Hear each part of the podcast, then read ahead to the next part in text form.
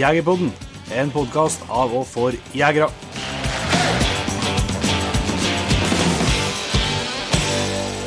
Hjertelig velkommen til en helt ny episode av Jegerpodden. Jeg heter Jon Petter Meldingen, og Jon Inge Vik, den andre halvparten her. eh, Hvordan står det til?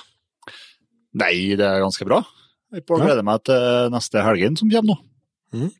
Nå blir det revjakt for alle penger. To helger på rad. Først i Overhalla, og så i Odalen. Ja. Og så blir det liveshow. Det blir liveshow. Ja. Så det håper vi at eh, noen Gleder meg mye til det. Ja, ja. det. Er, bare, det er jo litt sånn grugleding.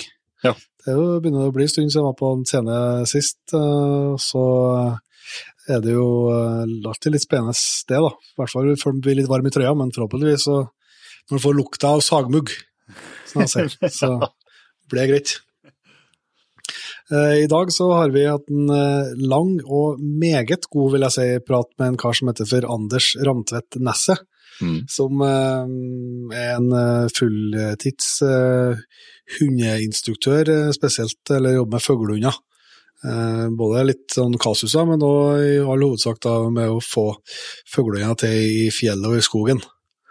Eh, og det kan dere virkelig fram til, syns jeg, den praten her, i hvert fall hvis du har et en viss interesse for, for jakthunder, så tror jeg den vil eh, fenge veldig. Det er jo i hvert fall eh, det for min del. Ja, og det er ikke det er, Så lenge du har et snev av hundeinteresse, så er det, vil jeg påstå at denne episoden er veldig interessant. For For det, det snakkes mye om uh, hund i hvalene. Ja. Ikke, ikke, bare, ikke bare jakthund, og ikke bare fuglehund. Eh, veldig mye av det han reflekterer og, og snakker om, uh, kan overføres til, til andre jakthunder, men likevel familiehunder. Enig. Nei, så det må dere absolutt eh, få med dere. Men eh, før vi slipper til Anders, eh, så har jeg notert meg fangstrapporten. Og da vet jeg at du selvsagt tenker på sangen til Magnus Hessegrei som eh, han har, eh, som han har eh, donert til oss. Men det er jo ikke det jeg tenker på nå, nå tenkte jeg på den som skal fylles ut. Ja. Den faktisk er det ikke den eh, han omtaler i sangen. Eh, Har du fylt ut fangstrapporten, eller? Nei, jeg har ikke. Nei. Har ikke det. Kom så langt. Det er jo litt, altså- eh, litt tid igjen på fristen, ja, da. Ja, det er det. Hva er det fristen? Det er 1. mai, er det? 1. mai, ja. Nei, Så, så, det, så tidlig ut. Ja, Det, jeg skal torde å sette ganske mange tusen på at det har ikke Øle gjort. Nei, det er riktig. Det, det, det er ikke fordi det er så langvarig en jobb heller. Nei. Men eh, nei, jeg, jeg bruker nå å prøve å få til før Det er jo sånn det, Først er det noen viktig eh, Først så sparer du noen kroner på det, på neste, eller på, på neste jegeravgift. Så det er noe verdt å ta med seg det. da. Noe, noe snusa, skal det òg. Og så er det noe eh, at du bidrar liksom til den statistikken. Det jo Det har nå eh, en misjon. Absolutt. Så det var nå egentlig et sånn tips til deg som hører på. Det er godt at du har fått en e-post du fra Altinn, eller hvor det kommer fram at den er, er klar til å fylles ut. Mm. Må du ikke gjøre sånn som Jon Inge, og, og du, må ikke tenke, tenke på at det er sikkert er noen kjentfolk som retter den, så at du legger på ekstra. Bare ærlig. Hva skal, skal i hvert fall føre på tiuren ute, i, ute på Saren? Ja, det har jeg merka meg etter jeg starta med Jegerpodden, og er litt mer rundt på mange plasser å jakte. Ja, det blir litt mer eh, kommuner å fylle inn, ja. Ja, det var Mm. liksom, det var enklere i, når du hadde liksom én plass den holdt på. Ja. Ikke at den skjøt så mye av plassene, men ja, man må se for at den har vært her. Ja. Så det, ja, det er veldig bra. Og så skal vi jo tipse eh, Nå er det jo, vet vi jo at det er mye patrients som hører på Jegerpodden, og de har jo allerede fått tilgang til den eh, nye TV-serien vi har laga som heter For jegertoner. Mm. Men eh, nå eh, førstkommende torsdag, altså torsdag 10. mars, så har eh, den nå premiere på, eh, på fjernsynet, som du ser. Yep. På Naturkanal Naturkanalen 1. natur, Jepp, Naturkanal 1 eh, på da, og kommer med første episode der på torsdagskvelden. Så hvis du ikke har sett den, eller lyst til å se den igjen, eller det er jo ekstra å se den på TV, sikkert, eh, så, eh, så er nå det verdt å få med seg, i hvert fall. Det håper vi nå at eh, mange har lyst til. Mm. Og gjerne kom med noen tilbakemeldinger du har sett den nå. Vet ikke om det er positivt eller negativt, så tar vi imot alt her i huset. Ja, ja. Vi tar imot alt. Med åpne armer. Med åpne armer. Det er veldig bra. Nei, men da tror jeg vi, vi setter jo vel over to og en halv time og prater med Anders, så vi skal ikke, vi skal ikke holde dere for lenge på forkant her, men eh, vi sier bare god fornøyelse. Mm. Da har vi gleden av å ønske Anders Rantvedt eh, Nesset hjertelig velkommen til Jegerpodden. Takk. Fikk jeg navnet rett? Jeg er ganske dårlig på å uttale navnet rett. eh, Ja, nei, da, det er bra, det. Det nærmer seg. Ja. Det er bra. Du, vi skal snakke om uh, fuglehunder og, eh, og rypejakt og litt forskjellig, vi, Anders. Men uh, før vi kommer dit, så må vi bli litt bedre kjent. Kan ikke du starte med å fortelle litt om uh, hvem Anders er for noen? Ja, nei, jeg er jo en ung mann da, på 31. Mm. Eh, opprinnelig fra Østfold, eller det som var Østfold, Sarpsborg. Så det er der jeg vokste opp, da. Med tre, tre søsken og på si to foreldre. og Ganske vanlig, da. Vanlig familie. Mm. Vanlig oppvekst med mye friluftsliv og mye på fjell og mye fisking og sånne ting, da. Så det har nok Mhm. vært med på å forme meg veldig. Eh, men noe Jeg kommer ikke fra en sånn bakgrunn med, med jakt, så det har liksom bare vært noe som har Og hund, det har vært noe jeg har vært drevet av meg selv på et vis. Og bare fått for meg, da. Hvor, hvor starta det hen, altså på jaktinteressen og hundeinteressen? da? Nei, det var jo jakt først, da. Og det var jo ganske sent, sånn eh, litt etter videregående, tror jeg. Mm -hmm. uh, at jeg bestemte meg for at eh, det bare var noe jeg skulle, da. Så da tok jeg jegerprøva, da. Og så, når man ikke har noe tilknytning, så blir det ofte gjerne sånn at eh, fuglejakta er jo det som er lettest tilgjengelig. Med, Mhm. med rype- og skogsfugljakt og støkkjakt, da. Så det var jo sånn det starta, da. Eh, og holdt på med en del år før det var noe hund inne i bildet. Det tenker jeg jo sånn fra et jaktlig perspektiv og er fint. For de som støkkjeger så lærer man jo veldig mye. Mm. Om viltet, om eh, terrenget og vær og vind og sesong. Bare gjennom å være ute og holde på. Ja. Så det var noe sånn eh, som det starta, da. Ja. Men uh, nå vet jeg jo at det, det er hund for alle penger, men uh, var det, du måtte nå lykkes litt på de turene når du begynte å holde på selv, for deg sjøl, da? Ja, med, Som du- med jakta, mener du? Ja, ja. Ja, men det var jo sånn da jeg starta, så kunne jeg jo ikke skyte, f.eks. Nei. Eh, så fjellrypejakt jakt var nok det første som eh, jeg brukte mye tid på. Ja. Eh, og da gikk jeg veldig mye, og jeg fant ut at det å skyte de fjellrypene i flukt, når man ikke kan skyte med hagle, det er jo litt vanskelig. men det jeg fant ut, var at hvis jeg bare gikk etter de rypene lenger nok, så ga de opp til slutt, da. Og bare satte seg ned. Så da kunne jeg jo skyte dem, da. Ja. Da ble det jo ikke noe skadeskyting heller. Det var fjellrype som var første, første viltet du skjøt, eller? Ja, altså bodde jeg en periode i Trondheim, eh, studerte litt der. Og da måtte jeg jo ha med bil for å kunne dra på jakt. Mm. Eh, så da hadde jeg jo et helt semester hvor jeg levde på havregryn og vann for å spare penger til å kjøpe meg bil. Og så fikk jeg jo det, da. Og så kom jeg meg til Snåsa, da. Ja. Eh, så det var jo der jeg jakta mye. Første, første tiden. Så da ble det jo gjerne sånn lørdag og søndag i starten. Og så ble det fredag, lørdag, søndag, og så ble det torsdag, fredag, lørdag, søndag. og så hele uka til slutt, da. Mm. Så Og så det, skippertak når eksamen kom, ja. ja, da, så det ble en sånn Det ble en besettelse, da.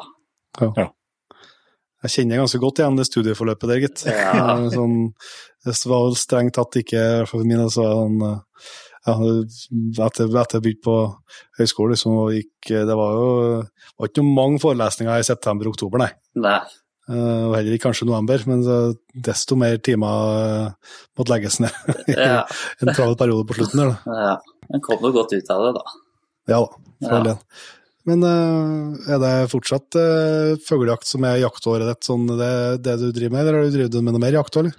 Ja, det har vært fuglejakt. Jeg har drevet mye med sjøfugljakt òg, fra kajakk en periode. Men nå i dag så er, jo, så er det jo preget av det jeg driver med, da, med hund. Så nå er det jo stort sett bare å jakte rype og skogsfugl som jeg har tid til. Ja. Eh, og som også blir en veldig stor del av det å jobbe med hunder og trene hunder. Så da starter jeg jo opp, starter jo opp 10.9. og holder på hele høsten med jakt. Ja. Så det er ikke mange dagene jeg ikke er ute. Eh, og det er jo litt sånn negative sider ved det òg, for det blir jo liksom hverdag, da. Så den der gleden som jeg kjente på før i forhold til jakt, den har jo forsvunnet litt nå, da, Ja. merker jeg. For det blir så mye. Ja. Eh, så det er liksom baksiden, da. At Mm. det nesten er en jobb, og det er jo en jobb. Mm. Ja, Mm. ja det, det har jo stort det. Men det er jo et luksusproblem òg, da. Ja da, det er klart Ja. det. Men der, eh, så fra du drev og gikk på søkkjakt i Snåsa, så jo kom inn i hund, fikk du være med noen med, med fuglehund, liksom, som gjorde at du tenkte på? det? Nei, men vi fikk jo i familien da en hund, og der var jeg stor pådriver. Men det var jo ikke en jakthund, det var en sånn welsh, Ja. ringespaniel.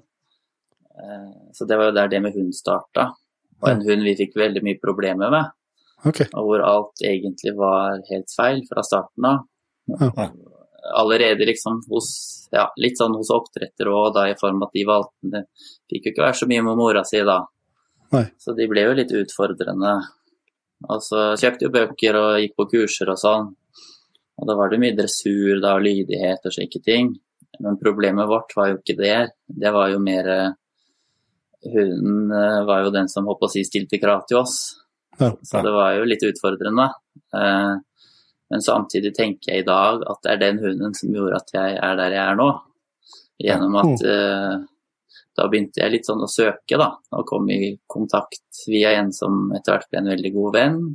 To svensker. Eh, ja, Bengt Rødseth og Gunilla Mhm. Vedén heter de, da. Så de holder til i Sverige. Så de er jo de jeg ble mine læremestere da, de første ja, fem-seks åra. Mm. Eh, som jeg lærte veldig mye hund av, og hun litt ut ifra et litt annet perspektiv, da. Ikke dette dressurperspektivet, men mer hunden som dyr, og det å kanskje kommunisere og jobbe med hunder litt annerledes. Litt sånn mer kall det naturlig i form av at du bruker litt mer kroppsspråk og bevegelse og ta kanskje litt mer i bruk elementer fra det hunder gjør. Ja. Men det betyr jo ikke at du går på alle fire og leker hund. Men det er jo liksom Så det kan jeg misforstå litt sånn i forhold til dette med hundespråk, men det er mer det Ja, de bruker mye kroppsspråk, de bruker mye bevegelse, hundene. Det er mye utstråling i det de gjør. Jeg ser jo f.eks. ute i flokken her at en hund kan jo kontrollere en annen hund på lang avstand. Bare liksom med hvordan den plasserer seg og beveger seg og, og slike ting. Så en litt sånn annen type tilnærming. Eh, og et litt annet syn på hund, eh, hva en hund er for noe. Og litt vekk fra for det. Jeg syns jo dette med menneskeliggjøring av hund er jo et sånt tema i dag, da. Mm. Eh, men i hvert fall Det fikk meg inn på et spor som gjorde at også den hunden etter hvert ble en veldig trivelig og fin hund. Ja. Eh, og det var en tilnærming til hund som passa meg veldig godt. Hvor jeg på en måte bare kunne være meg selv og slappe av. Eh, for jeg husker jo det, de første dressurkursene vi var på, jeg og ja, noen i familien, da. Så måtte jo liksom for hver, hver gang vi var der, så måtte vi håper å si, ha med bedre og bedre godbiter. Og til slutt sto og stekte kylling, ikke sant. Eh, Og hunden brydde seg jo ikke noe om det. Men den brydde seg jo heller ikke om de mer kalde tøffe metodene med mye sånn kjetting og rykking og sånne ting. Nei. Det rista han jo bare av seg. Så det funka jo heller ikke. Fikk jo ikke noe kontakt med hunden. Eh, Og den begynte nå bare å hoppe og bite og holde på, så den tok jo ikke oss på alvor i det hele tatt. Nei. Og i ettertid så ser jeg jo også litt det at eh, måten vi var på og opptrådde på da, det, det var jo heller ikke så rart at den ikke tok oss på alvor. Men det er veldig lett at ting da kan tippe over, at man begynner med litt sånn mer tøffhet, og, og det ser jeg jo veldig mye, da. Forskjellig i form av når jeg er instruktør ulike steder, at det er mye sånn liksom litt sånn tøffere tilnærming og mye barskhet og sånn. Eh, Men det er ikke det jeg mener i forhold til når jeg f.eks. snakker om tydelighet og slike ting. Så det er en litt sånn rolige, trygge, selvsikre måten å være på, da, og omgås hunden på, at det, det, det responderte den hunden veldig godt på, da. Ja. Så da ble liksom det veien for meg. Og da var jeg i tillegg ung og fersk, og jeg er veldig lett sånn sett å prege eh, i forhold til de tingene. Men da var det hos de svenskene at du, du begynte å få øynene opp for å bruke, altså ha jakthunder og fuglehunder? Eh, Ja, jeg tok jo først over en, en sånn jaktspringer. Så det var jo det første jeg jakta med, støtende. Ja. Og det var jo liksom min, kall det første, eller andre, da, prosjekthund, som var en veldig fin hund, men den var jo litt egenrådig og veldig mye jaktlyst. Så for en spaniel, altså en spaniel skal jo jakte innenfor et haglhold, Mm. men den hadde jo veldig lett for å dra ut, da. Eh, og det var veldig mye stress og liksom veldig mye å jobbe med, da. Så det ble jo den første hunden hvor jeg på en måte kunne bruke alt jeg lærte, og prøve meg fram og holde på. Mm. Eh, og det gjorde jeg jo, og det ble jo etter hvert veldig fint. Eh, men da følte jeg etter hvert at jeg ble litt ferdig med den hunden. Eh, For den jobben og det å holde på var på en måte det som interesserte meg, da. Så på et tidspunkt så ble den omplassert videre da, til en, en venn av meg, da.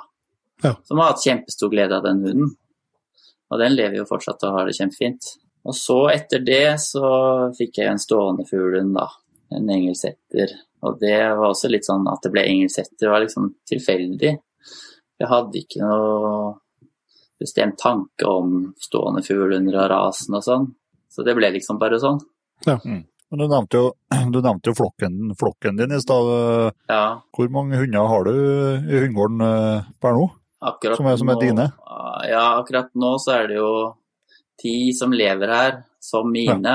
Men av dem igjen så er det vel åtte som, hvor jeg, som jeg eier.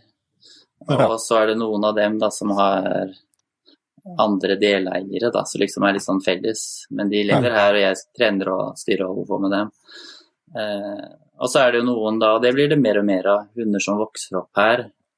Eh, men så flytter de hjem til eieren sin på et eller annet tidspunkt. Og så kommer de gjerne tilbake igjen da, for eksempel, for at jeg skal holde på å trene. da.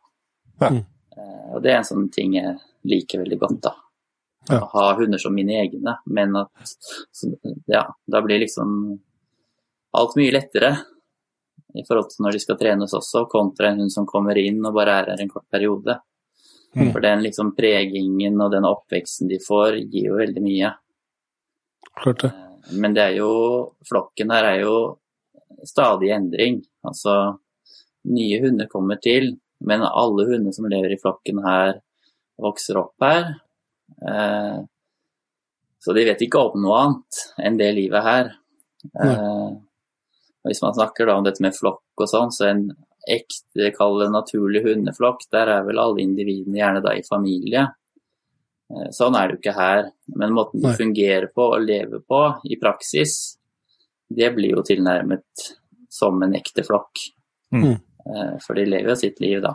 Styrer seg selv. Hva er det som gjør at, eller hva, hvilke fordeler tror du liksom det livet de hundene får leve hos deg, eh, gir eh, både hundeholdet og, og jakta for den del, kontra et mer, mer konvensjonelt hundehold som folk flest har ut ti hunder, skal jeg si. Nei, og det som for, for veldig mange tenker jo da gjerne fordi de har, si de har tre, fire, fem kanskje til og med familiehunder som lever sammen. Men de lever jo gjerne under håper å si, vårt tak, og det er et menneske der da, som håper på å si, styrer og passer på og ordner så det fungerer. Eh, mens i flokken her ute, så de lever jo sammen der 24-7 året rundt og har jo en struktur. Eh, og de finner jo sin plass naturlig ettersom de vokser opp. Så liksom, om man skal snakke om et hierarki, eh, så opplever ikke jeg at det er sånn at, de, at de, det er en kamp om hvem som er øverst. Det er litt sånn gitt for det enkelte individ, Mm. den plassen de får da, og den rollen de får i flokken. Og det at de lever da, hvis du tar utgangspunkt i de som vokser opp her nå, da, som er unge, det at de lever der hele tiden, det gjør jo at den oppdragelsen de får, eh, det er jo ikke noe de får bare fram til de er åtte uker. Det er jo hele tiden. Mm. Så ting skjer jo der hele tiden. Eh, Så, og det er jo ingen unge hunder som håper å si eh, De holdes jo på et vis nede av de andre hundene. Eh, Så det er jo ingen av de som får vokse opp og utvikle seg til å bli håper å si, idioter. Nei. Så de, blir, de får en Og det er veldig artig når folk kommer hit for å se, for dette også er jo nesten sånn man må se og oppleve. Mm. Så kan man sammenligne litt da, med andre hunder man har sett. At de får en sånn veldig hengiven kontakt da, og tilstedeværelse sånn overfor oss. Mm. Eh, og veldig liksom avslappa, rolige hunder. Det fins jo ikke noe stress i dem. Og, og, veldig trygge og glade hunder, for de er, ikke, de er ikke miljøtrent eller de er ikke sosialisert utover det de holder på med der ute. Nei. Men de, de kan fortsatt si når de er ett år gamle, kan jeg jo ha dem med meg hvor som helst. Og de tar jo det med en knusende ro. Selv om ikke de har vært utafor innhegningen der kanskje enda da. Eh, så jeg ser jo fordelene det gir meg når jeg skal jobbe med dem, er jo at det blir veldig lett å jobbe med. Og veldig lett å liksom nå igjennom og få kontakt med dem. Og veldig lite påvirkning som skal til. Eh, for den liksom tilstedeværelsen som de har, og den kontakten de har overfor oss, det er like gjeldende ned ute i fjellet. Eh, og det er ikke noe jeg har gjort noe for å få. For jeg gjør jo nesten ingenting lenger, sånn med, med valper og unghunder. Annet enn at jeg ja, liksom kanskje håndterer de litt og sånn, da. Så de blir rolig avslappa når de blir håndtert og klipper klør og sånn. Mm. Uh, så jeg får jo enormt mye gratis. Av de, ja, av de, de er andre sånn, i flokken? Ja, og, og det, det, liksom, det de lever under. Ja. Og jeg ser, ser uh, Hva skal jeg si Jeg ser jo da veldig stor forskjell på det kontra hunder som kommer hit. Uh, på akkurat disse områdene her, da.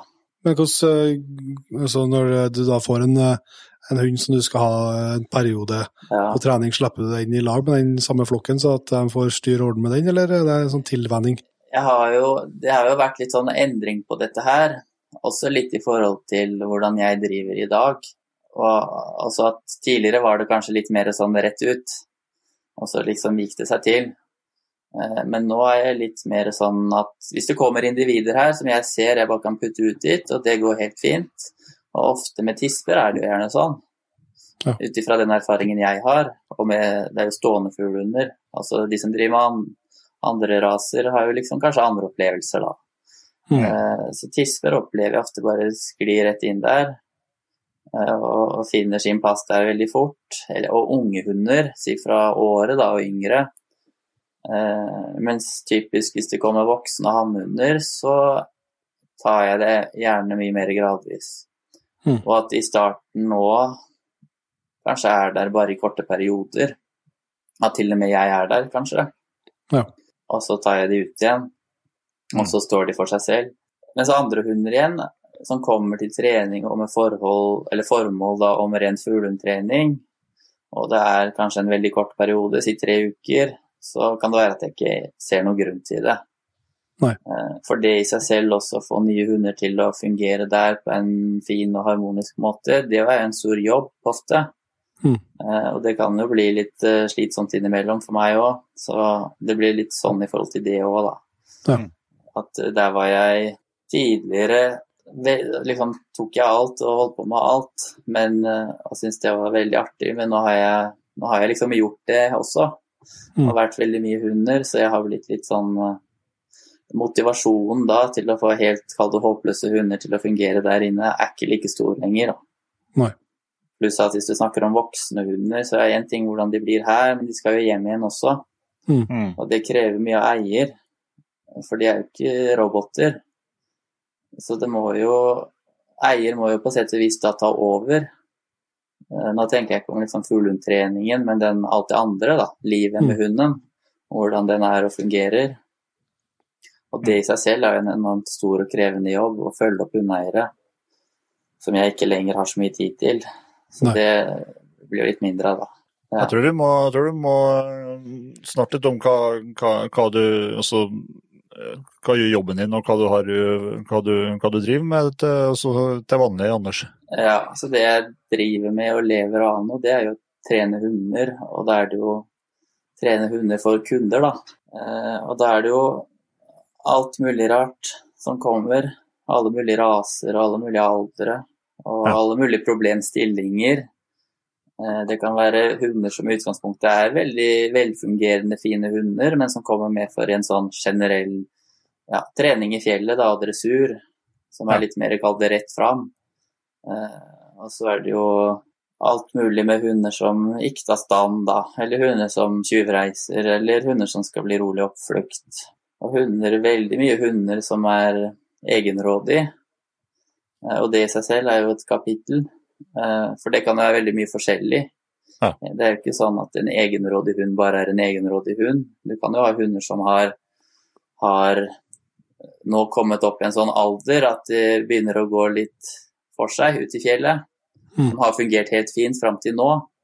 Eh, Og det er jo ofte en mye enklere og mer ukomplisert jobb å liksom få litt mer Ta de litt inn igjen. Kontra en hund som har fra ung alder fått lov til å drive på i skogen hjemme, hvor det bare er rådyr og elg. Og som kanskje ikke engang jakter, sånn som en fuglehund jakt, skal jakte, men mer bare springer rundt og holder på. Så da blir jo Så ofte så er jo jobben med hunder ikke bare én ting, men det er mange ting. Mm. Eh, sånt er jo De tingene er jo tidkrevende, da. Når du både må å si, få den hunden inn igjen, og få kontroll over hunden, og så få den til å begynne å jakte som en fuglehund, og få den liksom i fugl, og og på å si, stimulere den på det den skal jakte på. eh, Og få i gang nesa og bruke vinen og sånne ting. Mm. Så ja, det er liksom mange ting, da. Ja. Men tror, tror du, altså, for din del, er det, er det liksom eh, fascinasjon av hund og, og dens natur liksom, som er drivkraft like mye som, som? Så kunne du, kunne du hatt endt opp med elghunder eller, eh, eller eh, trekkhunder eller altså andre ting på samme måte som du har nå, eller er det sånn forkjærlighet til, til jakta, fuglejakta? Nei, det har vært jakta, fuglejakta. Ja. Mm. Eh, og det har tatt mer og mer over. Så det blir også da mer og mer det jeg fokuserer på å drive med og har lyst til å drive med, som Ja. gir meg glede. Eh, men alt den derre holdt å si fascinasjonen for hund og hvordan hunder fungerer, og det er jo fortsatt like stor. Men det har liksom vært en periode, da, Mm. hvor jeg har holdt på mye og hatt mye fokus på det. Og lært veldig mye av det, men nå er det litt mer den fuglehundbiten jeg syns er artig, da. Ja. Men jeg ser jo det er en kombinasjon, dette. Det henger jo sammen. Så det er en veldig Ja. viktig del for meg i forhold til jobben som jeg Klart gjør, og måten jeg Mm. gjør ting på, da. Men det er, eh, lederskap er jo et sånn eh, evig stikkord når vi snakker om eh, hunder. Ja, Hvis vi tar det først, om, hvis vi fortsetter litt på den tankerekka omkring flokken, så er det sånn i den flokken at det er en, er en hund som er, er leder for den gjengen. ja. Og flokken her er jo bygd opp rundt to individer. En tispe og en hannhund, og de er jo godt voksne. Ja. Og det er jo hunder som ikke jeg bruker så mye lenger selv, som jaktsammenheng, men de har en veldig viktig rolle her ute. Og det er litt sånn interessant, sånn syns jeg, i forhold til lederskap og en typisk kall det lederhund i en flokk, sånn jeg opplever det. Og litt i forhold til oss mennesker også. Mm. For jeg ser jo at han som er leder her nå, han er jo det, kall det naturlig, som et resultat av hvem han er. Han er jo, en, greit, han er jo en veldig stor og kraftig og sterk hund, men det er ikke den fysiske styrken, opplever jeg, som gjør at han er en leder. Han, en veldig, han er en veldig rolig hund. Han er en hund som Han har aldri vært en sånn konflikthund som si, oppsøker andre hunder og skal bort og skape konflikter. Han er veldig nonsjalant sånn i forhold til andre hunder. Og rolig, sånn balansert, sånn naturlig. Og liksom kul type. Og en voldsom sånn trygghet som gjør at i liksom en eller annen situasjon, en setting med en annen hund, så trekker han seg aldri unna. Men han er heller ikke en hund som da har behov for å, å si, gjøre noe fysisk. Han er ikke en hund som står der og, si, og knurrer og prøver veldig hardt da, og viser seg fram. og Han har ikke noe behov for det. Nei. Eh, Så han er jo en naturlig leder her inne. Mm. Og den plassen, det, det bare er sånn på et vis. Ja. Eh, Og jeg ser jo hunder som er her nå som er unge, som har liksom de samme egenskapene, som i framtida mest sannsynlig kommer til å ta over. Eh, Som er mye av det samme. Og det motsatte, da, det er jo de hundene som går rundt og på en måte prøver å fortelle, se hvor stor og sterk og tøff jeg er, eh, men som egentlig ikke er det. Så det er jo litt mer sånn kalt et spill for galleriet, som, og som kanskje er bortpå de andre hundene og blander seg inn i alt mulig rart. Men disse trygge eldre hundene bryr seg jo ikke. Nei. Så den har ikke en sånn utstråling eller aura på et vis. Og, og litt sånn føler jeg kanskje i forhold til For dette med lederskap er jo litt sånn abstrakt. Ja, Eh, og for meg og mitt syn og hvordan jeg tenker og ser ting, så er ikke lederskap noe jeg vil kunne få gjennom dressurøvelser. Altså jeg kan få en hund til å høre på meg gjennom å drive med dressur, men jeg føler at jeg kan ikke tvinge det fram. Altså jeg kan ikke tvinge fram å få en hund til å virkelig nærmest å si, forgude meg, da, eller den følelsen. At jeg blir veldig viktig for hunden gjennom f.eks. Eh, vold og tøffe midler. Jeg kan selvsagt få en hund til å høre på meg på det viset, men det blir jo mer eh, kanskje frykt. Mm. På samme måte som at jeg ville aldri kunne fått det gjennom bestikkelser. Så det er noe med Mye ligger, tror jeg, i hvordan vi er som person. Liksom, og hvem vi er som person. Og jeg ser mm. jo det veldig tydelig på Jeg treffer mye hundefolk. Både hundekjørere og fuglehundfolk. Og ser også de som si, får det til. da. Uavhengig også, hvis vi tenker fuglehund nå, og hvordan de trener og dresserer.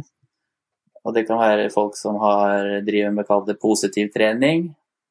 Men de har fortsatt noe ved seg som person som gjør at de veldig lett får kontakt med den hunden.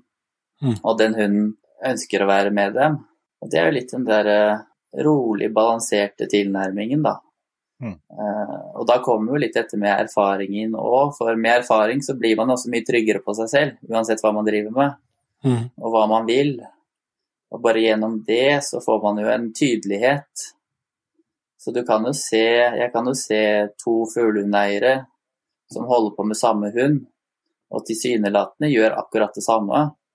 Men den ene får det til, og den andre får det ikke til. Liksom, hvorfor er det sånn? Mm. Og da ser jo jeg ofte at den som får det til, på et eller annet vis vet veldig godt hva den vil med det den gjør. Mens den andre kanskje er litt mer sånn usikker og litt mer nølende og ja. Og disse tingene kjenner jo hunder. Altså de plukker jo opp sånt på et eller annet mm. vis, uten at jeg kan beskrive hvorfor. Og da er vi inne på den biten, syns jeg, med lederskap som nok handler mer om hvordan vi gjør ting, da. Ikke kanskje bare hvordan vi er, men hvordan vi gjør ting. Og hvis jeg tar meg selv som eksempel, så er jeg veldig opptatt når jeg holder på med hunder, at jeg blir aldri, jeg blir aldri sint eller irritert på dem. Eh, og når en hund, håper å si, ny hund som kommer hit, gjør alt mulig annet rart enn å forholde seg til meg, så legger jeg ikke noe stor greie i det. Det er nå liksom bare sånn det er, da, og så må jeg jobbe med den hunden, da. Men aldri om jeg da mister holdt på å si, besinnelsen eller blir irritert. Den blir møtt da på en veldig rolig, men en, kanskje en bestemt måte, da.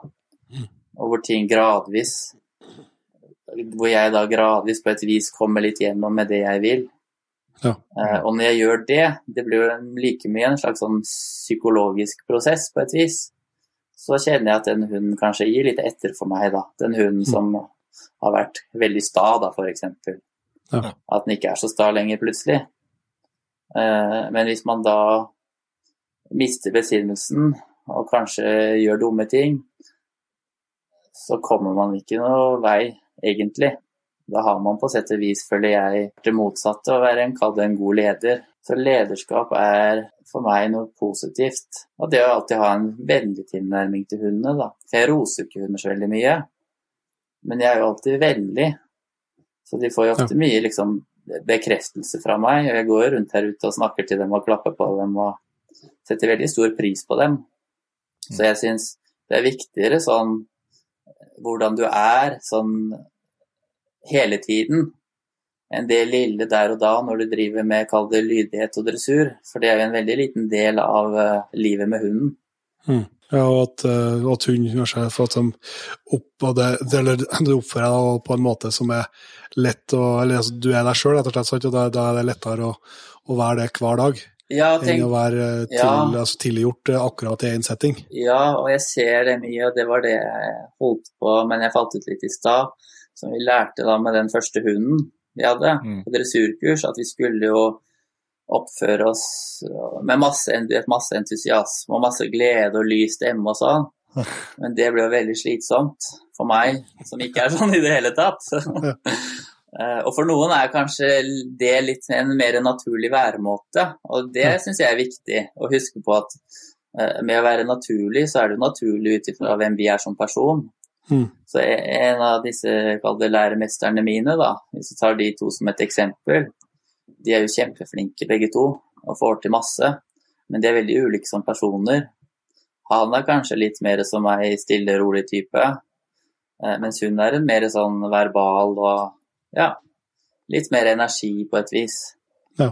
Men så det å være rolig er jo ikke det samme som å være stille og ikke bruke Nei. stemmen. Men man har fortsatt en ro over seg da, med det man gjør.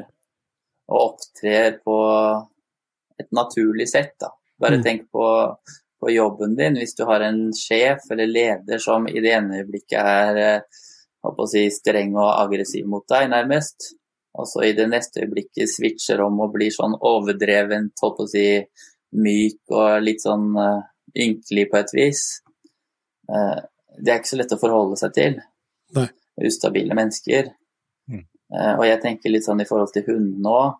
En som er stabil i væremåten, er også lett å forholde seg til. Mm.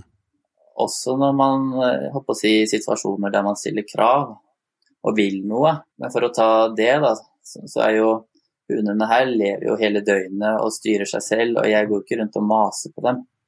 Det har jeg ikke noe behov for. Så det er jo ikke ofte jeg trenger å be dem om noe. Eller ofte jeg på en måte vil noe. Men når jeg først vil noe, da, så mener jeg jo noe med det. Mm. Så hvis jeg, og det er kanskje de eneste to kalde reglene jeg har i forhold til en hund. Hadde det vært familiehunder jeg drev med, så hadde det kanskje vært fra mye lavere alder, si kanskje fire måneders alder. Mens her så trenger jeg ikke så veldig mye, da, før de er et år. Men at de faktisk forholder seg til meg da, når jeg henvender meg til dem og liksom snakker til dem. Og at jeg skal Mm. kunne bruke min vanlige, rolige stemme. I det øyeblikket jeg må bruke mye stemme og mye energi, så tenker jeg at da har jeg egentlig en hund som ikke forholder seg så veldig mye til meg. Mm. Eh, pluss at hvis jeg først da ber en hund om å komme, så er liksom det en selvfølge at den kommer. Og det er ikke noe som jeg bruker så mye tid på, for det er litt sånn det er på et vis.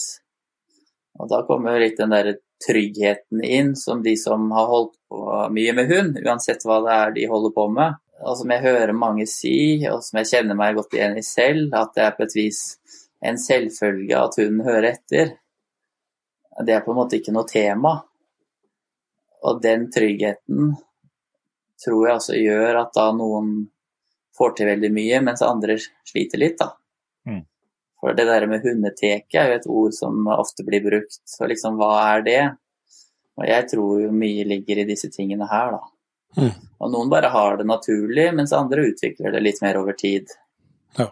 Eh, Så jeg er jo positiv og optimistisk i forhold til hundeeiere. At alle kan få til veldig mye, men det krever jo en jobb da, for å lære. Og det fins ikke noe snarvei der, føler jeg. Man må holde på. Mm. Eh, Så kurser og bøker og sånn er en veldig fin måte i starten for å komme litt inn i ting, men så må man jo holde på, da. Og finne litt ut av ting selv òg.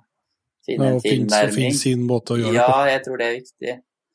Eh, Så det jeg gjør, er ikke nødvendigvis riktig for alle andre. Og det sier jeg til de som kommer òg, at du liksom ser nå hva jeg gjør, da. Og jeg kommer med mine perspektiver, men så er det viktig å tenke selv. Mm. Og ting må gi mening. Eh, Jeg syns det er viktig. Mm. Og man får litt feelingen inn også i ting. Eh, Det metodiske også.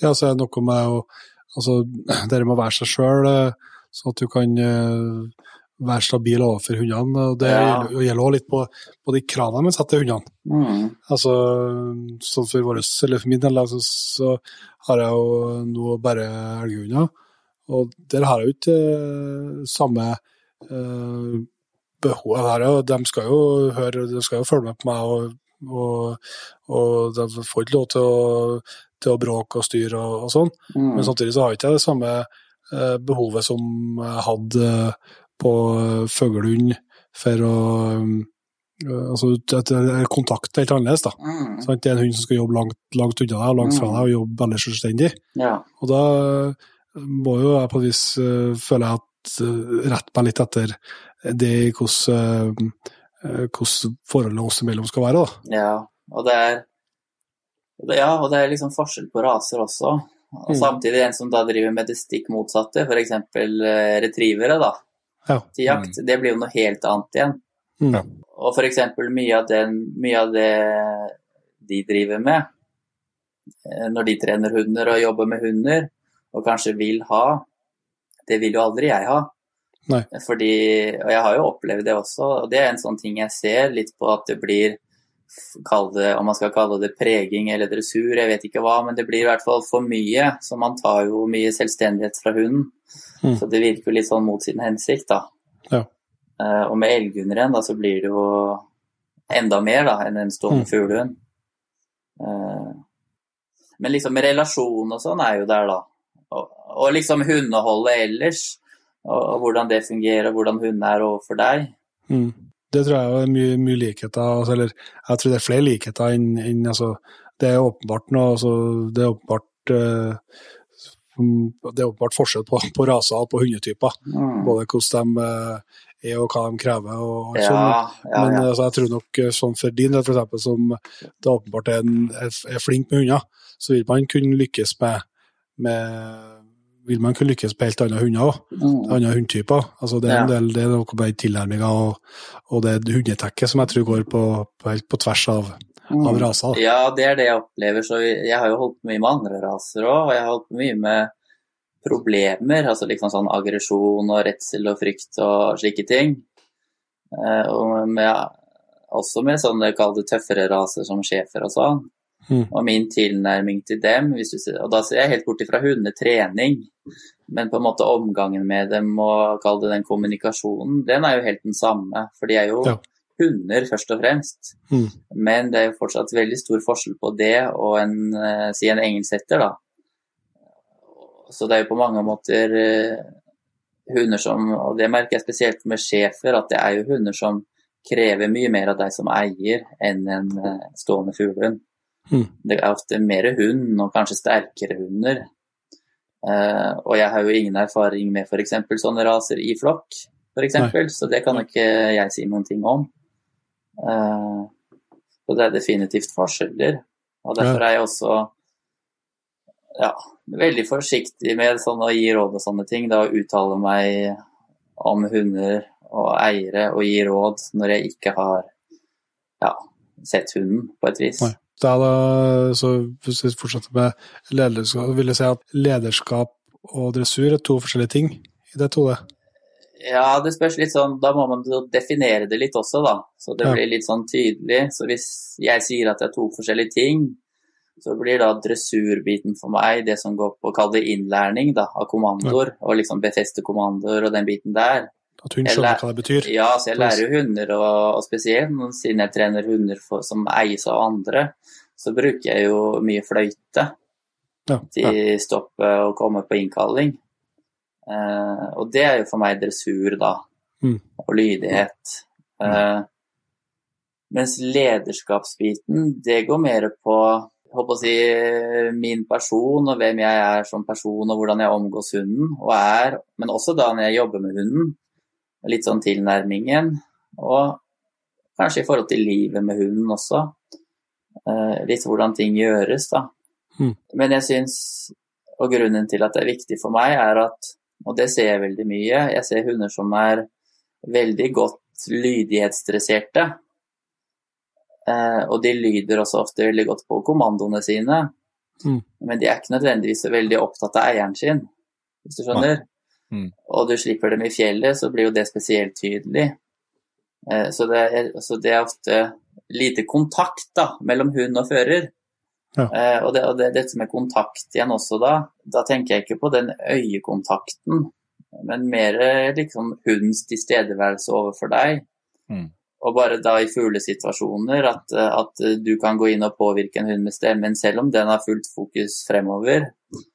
Eh, Og det som gjør at du kan det da, og har den påvirkningen, Det er lederskapet. ja, det er kanskje resultatet av det på et vis. Ja. Eller det at, eh, si hvis jeg har med meg masse hunder ut på tur, og de følger med meg, så er ikke det, jeg har ikke lært dem det. Jeg har jo ikke dressert dem til det. Nei. Men selvsagt i starten da, så kanskje jeg må snakke til dem og fortelle hallo, nå må du følge med her. Nå skal vi ikke drive og springe og herje sånn.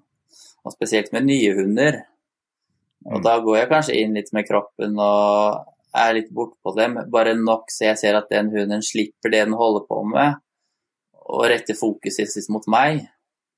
Så jeg liksom når litt gjennom, og så fortsetter vi, da.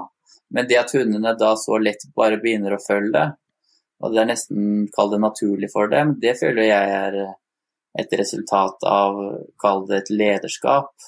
Og for ti år siden f.eks. så fikk ikke jeg til det. Nei. Og i dag nesten bare kommer det litt sånn av seg selv, uten at jeg kan forklare hvorfor. Hmm. Og det er jo den utfordrende biten, da, med liksom hvorfor er det Ja. sånn. Jeg tror så det, det- Det er, er jo ja, nei, så det er veldig, og det merker jeg jo at hundene jeg har i dag, er mye tryggere på meg enn hva hunder var før. Og mye mer sånn livlige og glade rundt meg enn hva de var før. Og da når jeg sier før, så mener jeg at jeg styrte og holdt på mye mer, og jeg krevde mye mer. Eh, og det var mer kalt dressur for å få de til å fungere da, og følge med. Eh, mens nå liksom kommer det mer naturlig. Eh, og jeg har jo endret meg, da, så jeg har jo blitt mye mer vennlig. På en måte at Før var det mye Jeg ville veldig mye, jeg ble aldri fornøyd. Så det ble litt negativt. At hundene var liksom aldri bra nok. Mm. Mens nå setter jeg liksom større pris på dem, da. Og kjenner alltid på en glede òg når jeg er sammen med dem. Mm. Det, det merker de jo, på samme måte som de merker jo hvis jeg har en dårlig dag. Ja. Eh, og derfor holder jeg jo ikke på med hunder hvis jeg har en dårlig dag. Nei. Så ja.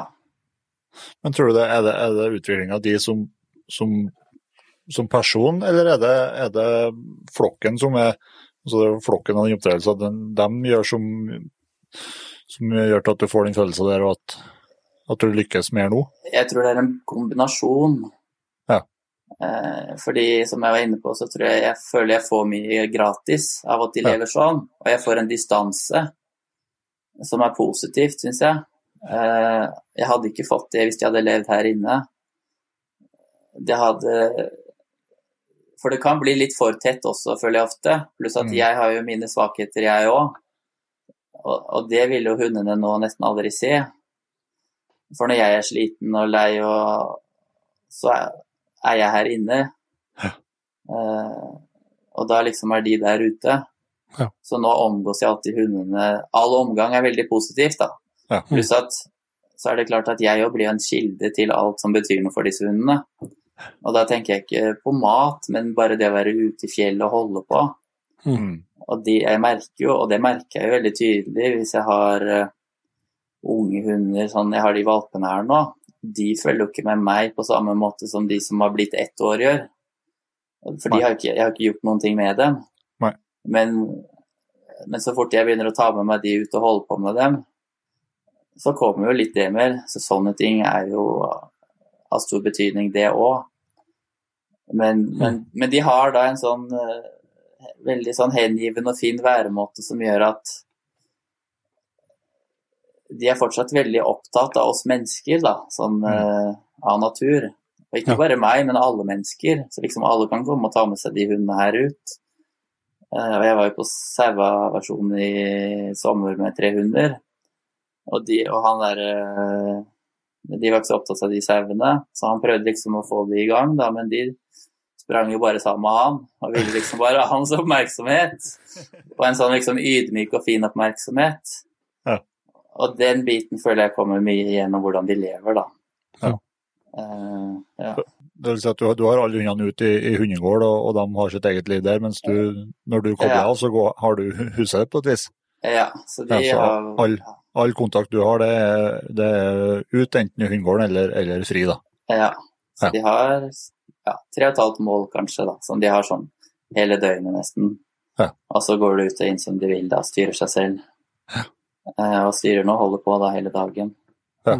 Ja, Pluss at det kan jo det kan jo ofte bli sånn, og det ser jeg med mange hundeeiere, at det blir veldig tett, og hunden er kanskje den som styrer det meste der Mm. hjemme i huset. Eh, og får jo liksom den oppmerksomheten den vil ha når den vil ha det Mm. på sine premisser, og blir kanskje Får en rolle da gjerne i familien hvor den hunden er liksom det viktigste som fins. Mm. Og det er klart at en hund som får det den vil ha hele tiden fra oss, når den vil ha det, kontra en hund som da Det er mer vi mennesker som tar styringen over ting. Altså at det er vi som gir den hunden en kos og oppmerksomhet og trener når vi føler for det. Og det er ikke noe den får hele tiden nødvendigvis. Da vil jo det gjerne bli litt viktigere også. Mm. For hunder er jo egentlig dyr, og de er jo håper å si, opportunister. Og enkle og egoistiske dyr på et vis. Så de gjør jo hele tiden det de kommer best ut av selv. Ja. Men det her er jo sånne ting man da som en familiehundeier kanskje må være litt mer bevisst på og fokusert på. Hvordan det livet med den hunden er. Ja. Og det i forhold til lederskap er jo veldig interessant, fordi det kommer veldig mye fuglehundeiere hit. Alt fra nybegynnere til de som har holdt på i 40 år og hatt masse hunder og får til veldig mye. Og jeg ser jo veldig tydelig på de som har hunder som Kall det da de har et godt lederskap, kontra de som ikke har det. De som har det, har en veldig avslappet holdning til den hunden. Og, og når de er her, så er det ikke så veldig mye fokus på den hunden. Og liksom om den ligger i bilen, eller om den ligger inn på stuegulvet her, eller hvor den er, det er ikke så veldig nøye. Og vi holder på, vi prater og har det fint, mens den hunden er på en måte bare der, uten at den står i sentrum og samtidig da en veldig avslappet tilnærming. altså Det spiller ikke nødvendigvis så stor rolle hvor den hunden ligger og slapper av eller sover. Så det er ikke det derre maset og alle kravene og disse tingene. Så de har den derre eh, Hunden er på en måte Kall det en del av familien, men, er, men hunden er med på et vis. Ja. Den er liksom eh, Den er liksom bare der, og den er bare med, men det er ikke den som er det største og viktigste, og som eh, si, styrer ting. Så et sånt råd ofte da jeg gir til folk som har hunder som sliter med å falle til ro og skal ha veldig mye, det er jo å prøve en periode hvor man ikke gjør noen ting med hunden. Og hvor man eh, glemmer den litt bort. Altså, selvsagt den skal få det den trenger av å gå på do og få seg en tur og sånne ting. Men, men det å slippe litt fokus på han. Mm. Eh, og det kan fort bli en sånn øvelse, at folk går bevisst rundt og overser hunden sin. Men det jeg da egentlig ønsker, og målet med det, og som jeg ser disse kall det erfarne og dyktige fuglehundfolkene har helt naturlig, det er jo det at de tenker faktisk ikke så mye på hunden, så når de holder på med andre ting. Så den står ikke i fokus hele tiden, og det tror jeg er bra. Mm. Og de hundene er på en måte bare der, de stikker ikke noe sted, og de har ikke noe behov for det. Så det er litt sånn holdning til hund og personlige egenskaper og slike ting, tror jeg, da. Hvor mye Mm. ligger. Men når de først holder på, så på en måte er det det kvalitet over det de gjør, da. Og det er jo en annen ting jeg ser mye med, med ferske hundeeiere, at de styrer og holder på med den hunden hele tiden. Hele året rundt er det et eller annet. Og det kan bli veldig mye. Eh, og veldig mange sliter da f.eks. med å få kontakt med hunden sin. Eh, og det å da kanskje gjøre litt mindre og bruke tiden og energien sin på litt andre ting enn bare den hunden. At den kommer litt i andre rekke. Hvis du gjør det en periode, og så tar fram hunden din og begynner å holde på med den, så er det klart at da vil jo den gjerne være litt mer opptatt av deg. Mm. Og da skjer jo ting gjerne litt mer på dine premisser òg, da. Så, så, disse tingene her er jo viktige, men det er jo ting som kommer helt sånn av seg selv her, da, siden de lever som de lever. Ja. Det er eh, altså et sånn eh, I forhold til med flokk og, og leder i flokken, så, Ja. uh, så hadde jo f- fire hunder her, og der en av dem var, var den tydelige lederen. Det var også litt sånn type som du beskrev i stad, altså ikke noe sånn skulle vise seg frem og bråke, sånn, men, men bare var en leder i, i skikkelsen og ro, rolig i, i situasjoner, alle situasjoner. Mm. Eh, Men så eh, gikk jo eh, han bort. Eh, Og så kjøpte vi en, en ny voksen hund, eller voksen to og et halvt åring. Og så har vi to valper. Og det, nå ser jeg, jeg, altså jeg savner jo den hunden enormt. Mm. Altså, både sånn rent personlig, for jeg er veldig glad i hund, selvsagt, men, men også sånn i, i det daglige og i hundeholdet. Mm. Eh, fordi at han var jo som sagt sjefen, og Mm. jeg har følt at han gjorde veldig mye av, av jobben på et vis med den eh, kalle eh, altså Han visste hvordan vi ville ha det, og ordna det med, med de andre hundene som kom til òg. Mm. Eh, spesielt kanskje bare med, med ro, da. Mm. At han godtok ikke at så vi, jeg så på hytta for eksempel, og hundene skulle være inn med oss, så godtok ikke han at de for og sprang rundt og var tullinger. Mm. Da Han var ikke rundt aldri å ta i dem, men han, med, sin, eh, med sitt vesen, så, mm. så roa de seg. Mm. Nå har vi, nå har vi jo ikke han lenger, og ingen av dem nå er jo sagt to valper, så det kan jo, kan jo komme. Men ingen av dem som vi har nå, er, er der, da. Tar ikke den, tar ikke den rollen. Og det ser jeg at uh, kjenner jeg hva jeg savner, selvsagt, men også litt sånn nysgjerrig på ditt perspektiv på det når de lederne du har i dag, uh, en dag ikke kan være ledere lenger. Ja. Hvordan, så hvordan man på en måte får til et sånt skifte. For det er ikke bare å, ikke bare å, å ringe til dyrebutikken og få seg en ny lærer. Nei, Liksom. nei. Så, det er jo ikke det. Så sånn som her ute i hvert fall, så kommer det litt sånn uh, naturlig, da. For jeg har jo Mm. en her nå som vil ta over der, da. Ja. Uh, og, ja, så det, det liksom skjer litt da. Men da er det fint, da må du ha sånne individer også, da. Mm. Eh, og det har jeg nå heldigvis. Og det du sier der, da, hvis vi tenker litt i forhold til et kall det familiehundehold Man får jo veldig mye gratis av å ha en sånn voksen hund, enten det er en Ja. eller tispe. Og jeg ser jo så tydelig på det når, når det kommer en hund hit som har det, og har hatt det fra valp av, kontra en som ikke har det. Mm. Eh, hvor mye triveligere det blir òg, hvor mye lettere og, og mer behagelig det blir. Fordi en hund gjør en jobb på et vis som vi ikke kan gjøre på samme måte. Mm. Og som på en måte er noe som er der hele tiden. Og det, og det, det kan være utfordrende når det en sånn hund da forsvinner. Mm. Eh, hva skal man liksom da gjøre? Og det, og det jeg tenker kanskje spesielt, er jo at det kan jo bety at vi kanskje må gjøre en mer aktiv rolle, da. Eller ta en Mm. mer aktiv rolle. Eh, Jeg ser veldig mange valper og unghunder som får vokse opp med en litt sånn forsiktig voksen hund som ikke gjør noe ut av seg. Så den valpen får jo herje og holde på som den vil. Og den vokser jo opp til å kanskje ikke bli så veldig trivelig. Og da blir det jo vår oppgave, da, å på en måte gå inn og på et vis stoppe det, da. Og hjelpe den voksne hunden. Og utfordringen her blir jo da når skal man gjøre noe, når skal man ikke gjøre noe. Og det er ikke noe fasit på det. Der må man jo føle seg litt fram. Mm. Ja, for at det, det, er sånn, det er ikke sånn eh, som for dem, eh, så de er jo veldig gode, de går jo kjempegodt i lag. Mm. Ikke noe uvennskap på et vis, eller eh, krangel eller noe sånt.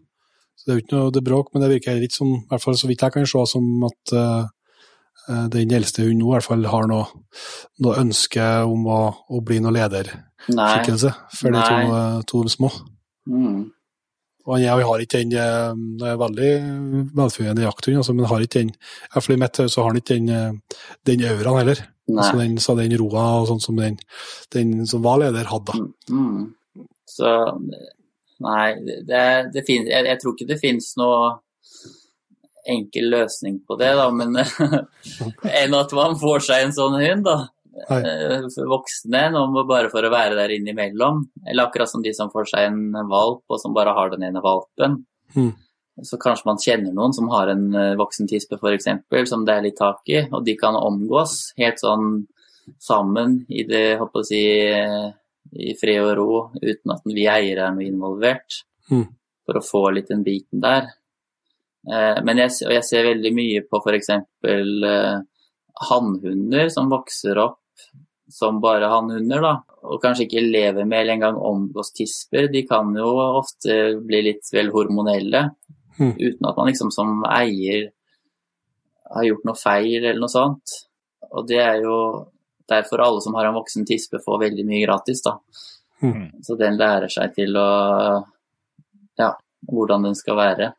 Ja. Opptre. For det ser jeg, nå kom det en irsksetter her i går da, som skal være her en stund og har vært litt inne med de andre. Og den klarer jo ikke å slappe av rundt i tispene nå i starten. Den skal jo opp i rumpa på dem hele tida. Ja. Uh, men de sier jo tydelig fra, da.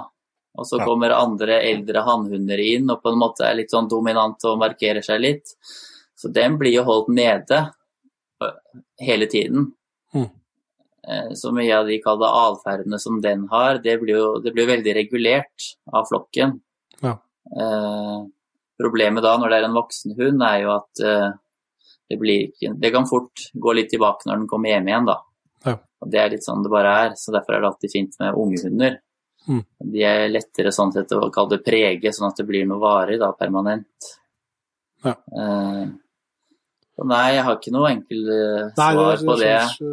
Men, altså, men, men det er klart at du har jo et såpass til, til volum av hunder at du vil kanskje alltid ha en, en ny leder på vei opp. Det ble jo, det Ja. har vi for så vidt en plan hos oss, det, altså, det ble jo litt eh, eller veldig, veldig brått avgang, skal jeg si. Så det som gjorde utfordringene eh, der, da. Men det tror jeg at han, eh, kanskje han ene han du har, som er ti eller måneder, han, Mm. han kan jo kanskje bli en ledertype, det tror jeg. Ja, Så har litt annen, litt annen aura med seg, ja, ser jeg.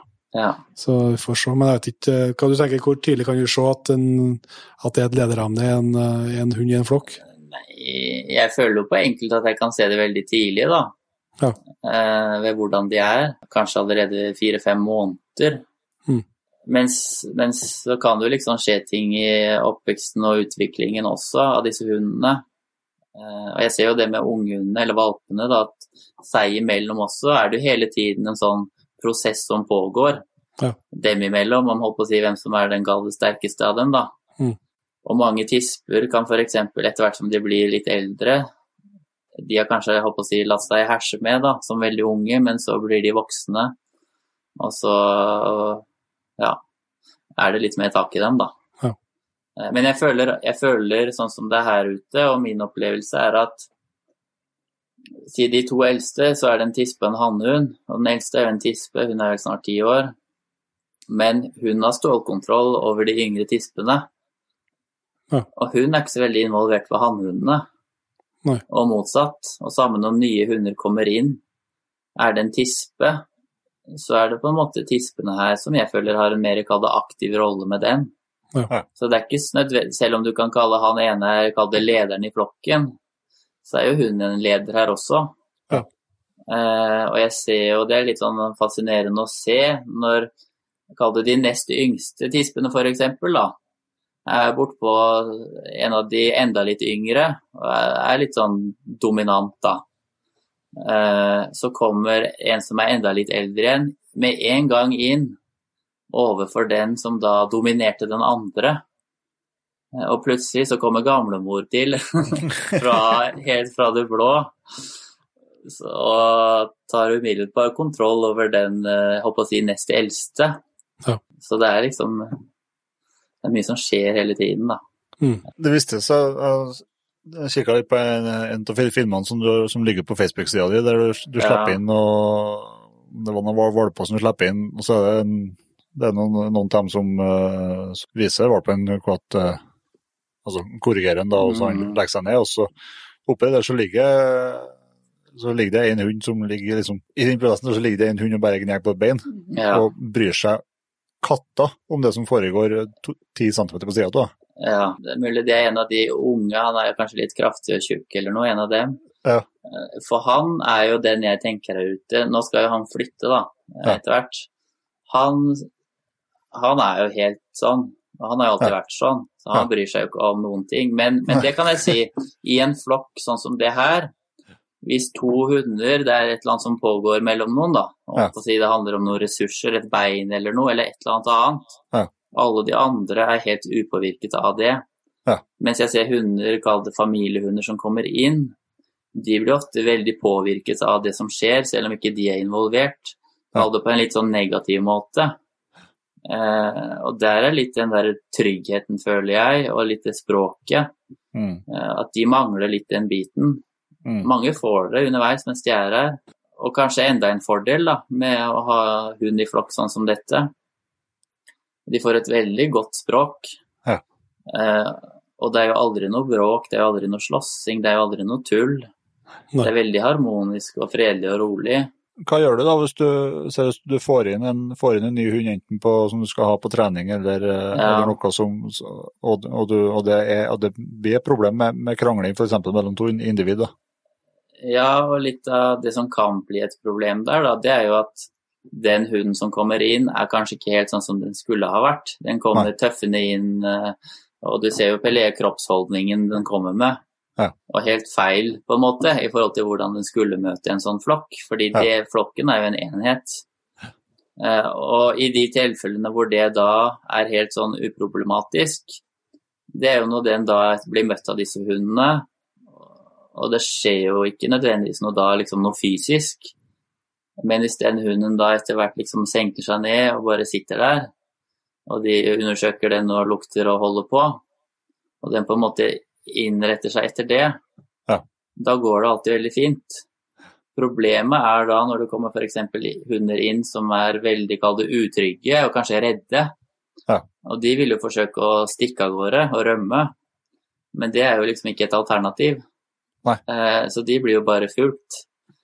Eh, og hvis, hvis det da ender med at den hunden etter hvert da, med disse andre hundene på slep, på et eller annet tidspunkt bare gir seg, og liksom eh, på et vis slipper, og du hører liksom akkurat som et sukk, nærmest, og den blir helt sånn rolig og avslappa. Hvis det er på en måte utfallet, så er veldig mye gjort der og da.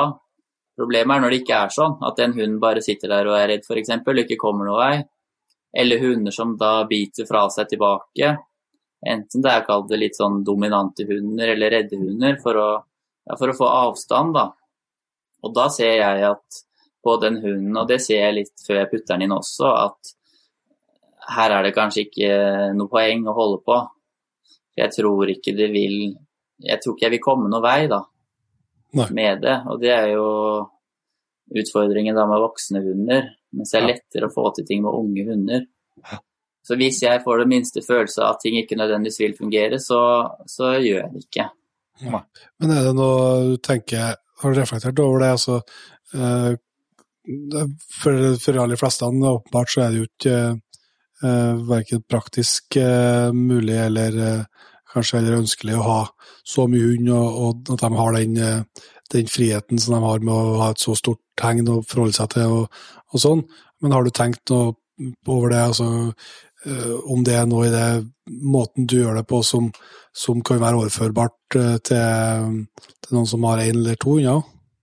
Ja, i forhold til hundeholdet. Jeg tror jo f.eks. alle hunder og eiere har godt av å få litt sånn distanse fra hverandre innimellom. Og så bare det å ha en liten hundegård, ikke sant? et sted de kan gå inn som er oppvarma. Det er ikke noe sånn at de står der hele tiden. Men det å få den Ja, man får litt fri fra hverandre og litt avstand. Det tror jeg er positivt. Mm. Og det også kan jo være med å gi rom for at de to hundene får kanskje omgås på en litt mer naturlig måte også. Mm. For det ser jeg veldig mange ganger, at vi mennesker kan jo ha en tendens til å på et eller annet vis påvirke hundene sånn at de ikke utfolder seg på det viset.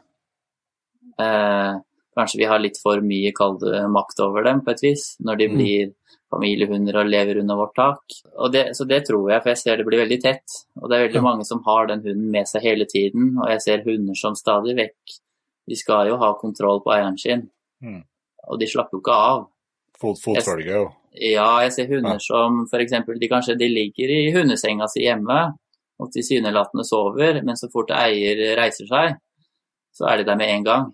Ja. Så de har jo på en måte kontroll til enhver tid. Og jeg har ikke noe Og det er derfor, sånn ville det blitt litt her også, hvis jeg hadde hatt hunder inne.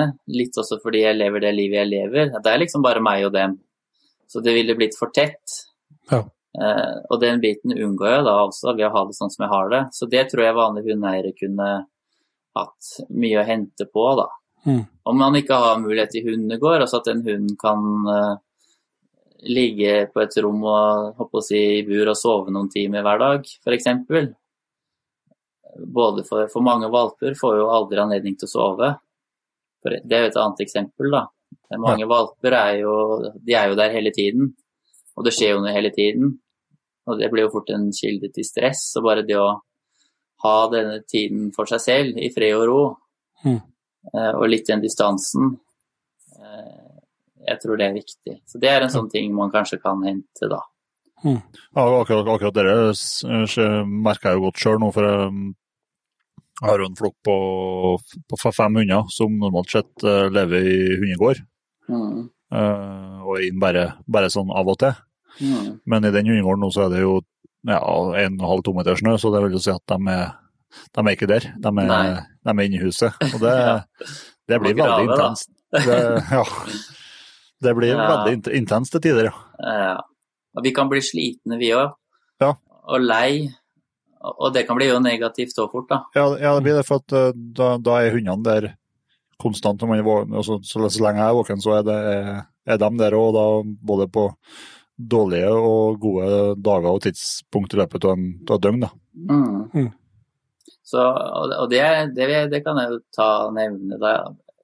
Før så var jo dette med stress noe jeg liksom bruk, brukte mye tid på å jobbe med og holde på med hos hunder, mm. og egne hunder òg. Og mye kall det sånn passivitetstrening og sånne ting. Eh, og veldig mye fokus på det til enhver tid. Effekten var jo nesten det motsatte. For det ble så mye oppmerksomhet og fokus på det greiene hos den hunden at mm. jeg vet ikke hvorfor, men, men eh, det ble ikke noe bedre, egentlig. Eh, og det ser jeg i dag, litt sånn i forhold til hvordan de lever. Og siden jeg holder på med dette her hver dag hele året, så har jeg fått en veldig avslappa holdning til hund. Mm. Sånn som her nå, så tenker jo ikke jeg noe på dem og hva de driver på med. Så bare det, å klare det å slippe det fokuset, eh, har gjort, tror jeg, mye av grunnen til at eh, da blir det automatisk mye roligere og mye mindre mm. stress også. Mm. Uh, ja.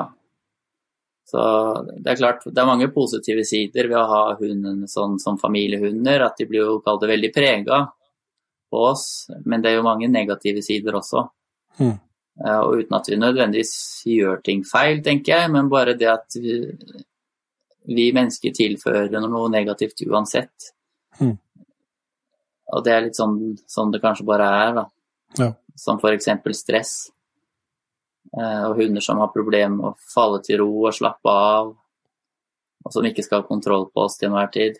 Nei, Nei og, det, og det, er også, det, er ikke det som jeg kjenner på nå, altså med, med to valper, sant? og så eh, en annen en som òg er ganske glad i livet. Mm. Um, så der, da, de står jo i store deler av døgnet slakt i hundegård. Mm. Uh, der har De jo, de står jo ved sida av hverandre, men jo, de har hver sin gård som har fysisk uh, tilgang til hverandre. Da. Mm. Og når, da har de enten at vi er ute, eller at uh, vi tar dem inn. Så vil jeg liksom, det er to valper, når de da treffes, så vil de jo leke og, ja. og herje og sånn. og da det føles liksom så trist at jeg skal, hvis jeg skal begynne å kjefte på å ta og være streng og prøve å liksom få dem til å gjøre det de egentlig ikke vil. Mm. For da, da har de muligheten til å utfolde seg. Ja, og, ja, ja. og, og grassere hverandre. Og det, blir, ja, og det blir fort litt sånn at hvis vi tenker på dette med lederskap også mm. eh, Hvis vi går rundt sånn og maser på hunden hele tiden ja. og styrer og holder på, så kan jo det fort komme inn i en sånn ond sirkel hvor du har en hund som til slutt ikke bryr seg mm. om deg, og du mm. på en måte betyr ingenting på et vis. Så det å ha det sånn, at f.eks. at eh, når man har de inne, og det da f.eks. er tilrettelagt sånn med valper, Mm. Og sånn skulle jeg gjort det hvis jeg hadde hatt valper inne i huset. Eh, at når de da f.eks. er på stua eller hvor nå enn er, og er våkne, så er det tilrettelagt sånn at jeg ikke behøver å gå rundt og passe på å si korrigere. Mm. At de ikke kan gjøre noe, kall det feil, da, eller i forhold til hva vi vil at de skal gjøre. Nei. Eh, så man ikke havner i den situasjonen også. Mm. For sånn blir det for veldig mange. Det blir veldig mye jeg har en sånn ja, hvis, altså, Som sagt, så Det var ikke issue tidligere, men når du hadde en leder som, som ordna det, så når vi slapp inn hundene, så lå de i ro. Ja. I all hovedsak. Mens mm. nå er ikke han der til å fikse det lenger, og da er ikke jeg så Jeg har jeg gambler litt på at når de blir eh, litt eldre, de, her to som er nå fem-seks måneder og ti måneder, mm. eh, når de blir litt gamlere, så vil de roe seg mm. sjøl. Ja. Men at de nå trenger, når de da får lov til å være sammen, mm. eh, da trenger de det å få lov til å herje og, ja. og ha artig med hverandre, i stedet for at eh, mm. vi skal gå og irritere oss over dem eller kjefte på dem for at de skal ligge i ro når de virkelig ikke har lyst til det. da. Mm. Samtidig, når vi først da vil noe, da, så må vi jo yes. kunne klare liksom å Skille på det, ja. ja. Mm, det er enig. Uh, ja. Men da også igjen, kall det kanskje hun altså det betyr litt mer for hunden da også, da. For det er ikke noe du gjør hele tiden. Og jeg tenker det skal jo ikke være behov for å gå rundt og mase og styre og holde på. Nei. Uh, og det vil du høre mange andre si også, dette med å ha litt bevisst forhold til dette, i forhold til kall det valpeoppdragelse også. At det kanskje er noen få ting da som på en måte det skal du ikke gjøre, nei. og det er sånn det er. Men det, det må ikke bli veldig mye. Nei, nei. Så vi på en måte blir gjennomskua litt også fort. Mm. hvis det blir veldig mye. Eh, Og det er nettopp der, da, sånn som han andre du hadde, han hadde jo liksom styring over de hundene hele tiden. Mm. I seg sjøl, ja. Ja, og det jeg ser jo det her ute når de ligger og For de ligger jo tett når de lever i en sånn flokk, det er helt Mm. naturlig. Mm. Så når da alle de eldre ligger og sover, og så er det to valper som begynner å herje med hverandre der inne, så kan det hende jeg om morgenen ser at den hunden har kanskje fått seg et lite bitt i leppa. Mm. Jeg har ikke sett det, men jeg skjønner jo hva det er. Ja. Da har jo den hunden de to mest sannsynlig holdt på sånn, Mm. og herja der inne, og plutselig dilter de borti hun gamlemor da, som ligger og sover. Så da får de seg en veldig tydelig beskjed, da. Ja. Eh, og det er, det er en av de tingene da du får veldig mye gratis, da.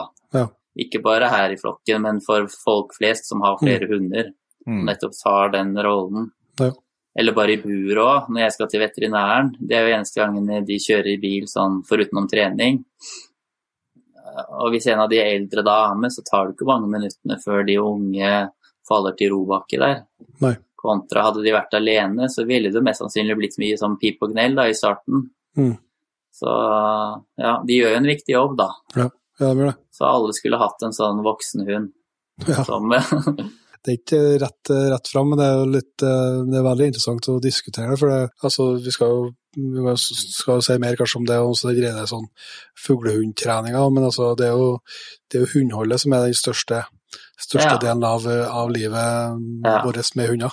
ja. Når du da tar hunder ut av den eh, flokken, sånn er det med meg sjøl, hvis jeg igjen fortsetter med meg sjøl som eksempel, så, så ser jeg at de oppfører seg annerledes. eh, eh, Alle våre hunder, hvis vi har bare én lammer oss, f.eks. Ja. samtidig. ja. Når da er de jo både De vil jo det blir ikke den slags her grasseringa og lekinga, de faller fortere på noe vis til, til ro. Mm. Men de er jo da mer opptatt av, av oss, da, selvsagt, Mm. eh, for da har de ikke andre hundene å fokusere på. Mm. Hvordan eh, opplever du det når du tar hunder ut av altså tar med deg én eller to av, eh, av flokken? Ja, og hvis det er Og nå kommer vi også litt inn på en annen ting, dette der med utvikling av uvaner og sånn. Mm. For, for det er klart, jeg gjør jo ingenting med valper, så det betyr jo at jeg er jo også ganske, kalde udresserte, da. Mm. Så hvis jeg f.eks. slipper to valper ut her på tunet, og de får holde på, så kan det hende de etter hvert finner ut at de skal ut på enga bak her, og så kanskje opp i skogen. Ja. Eh, så jeg har jo aldri valper ute sånn. Nei. Sånn at de ikke får anledning til å utvikle sånne ting. For liksom én gang er ingen gang, men to ganger er en for mye. Mm. Så det er veldig fort gjort da å skape sånne ting. Men når det blir Si de nærmer seg rundt året, da begynner også jeg naturligvis, eller naturlig, å kanskje kreve litt mer av dem. Så når jeg da slipper de ut, at de da, da skal de faktisk forholde seg til meg.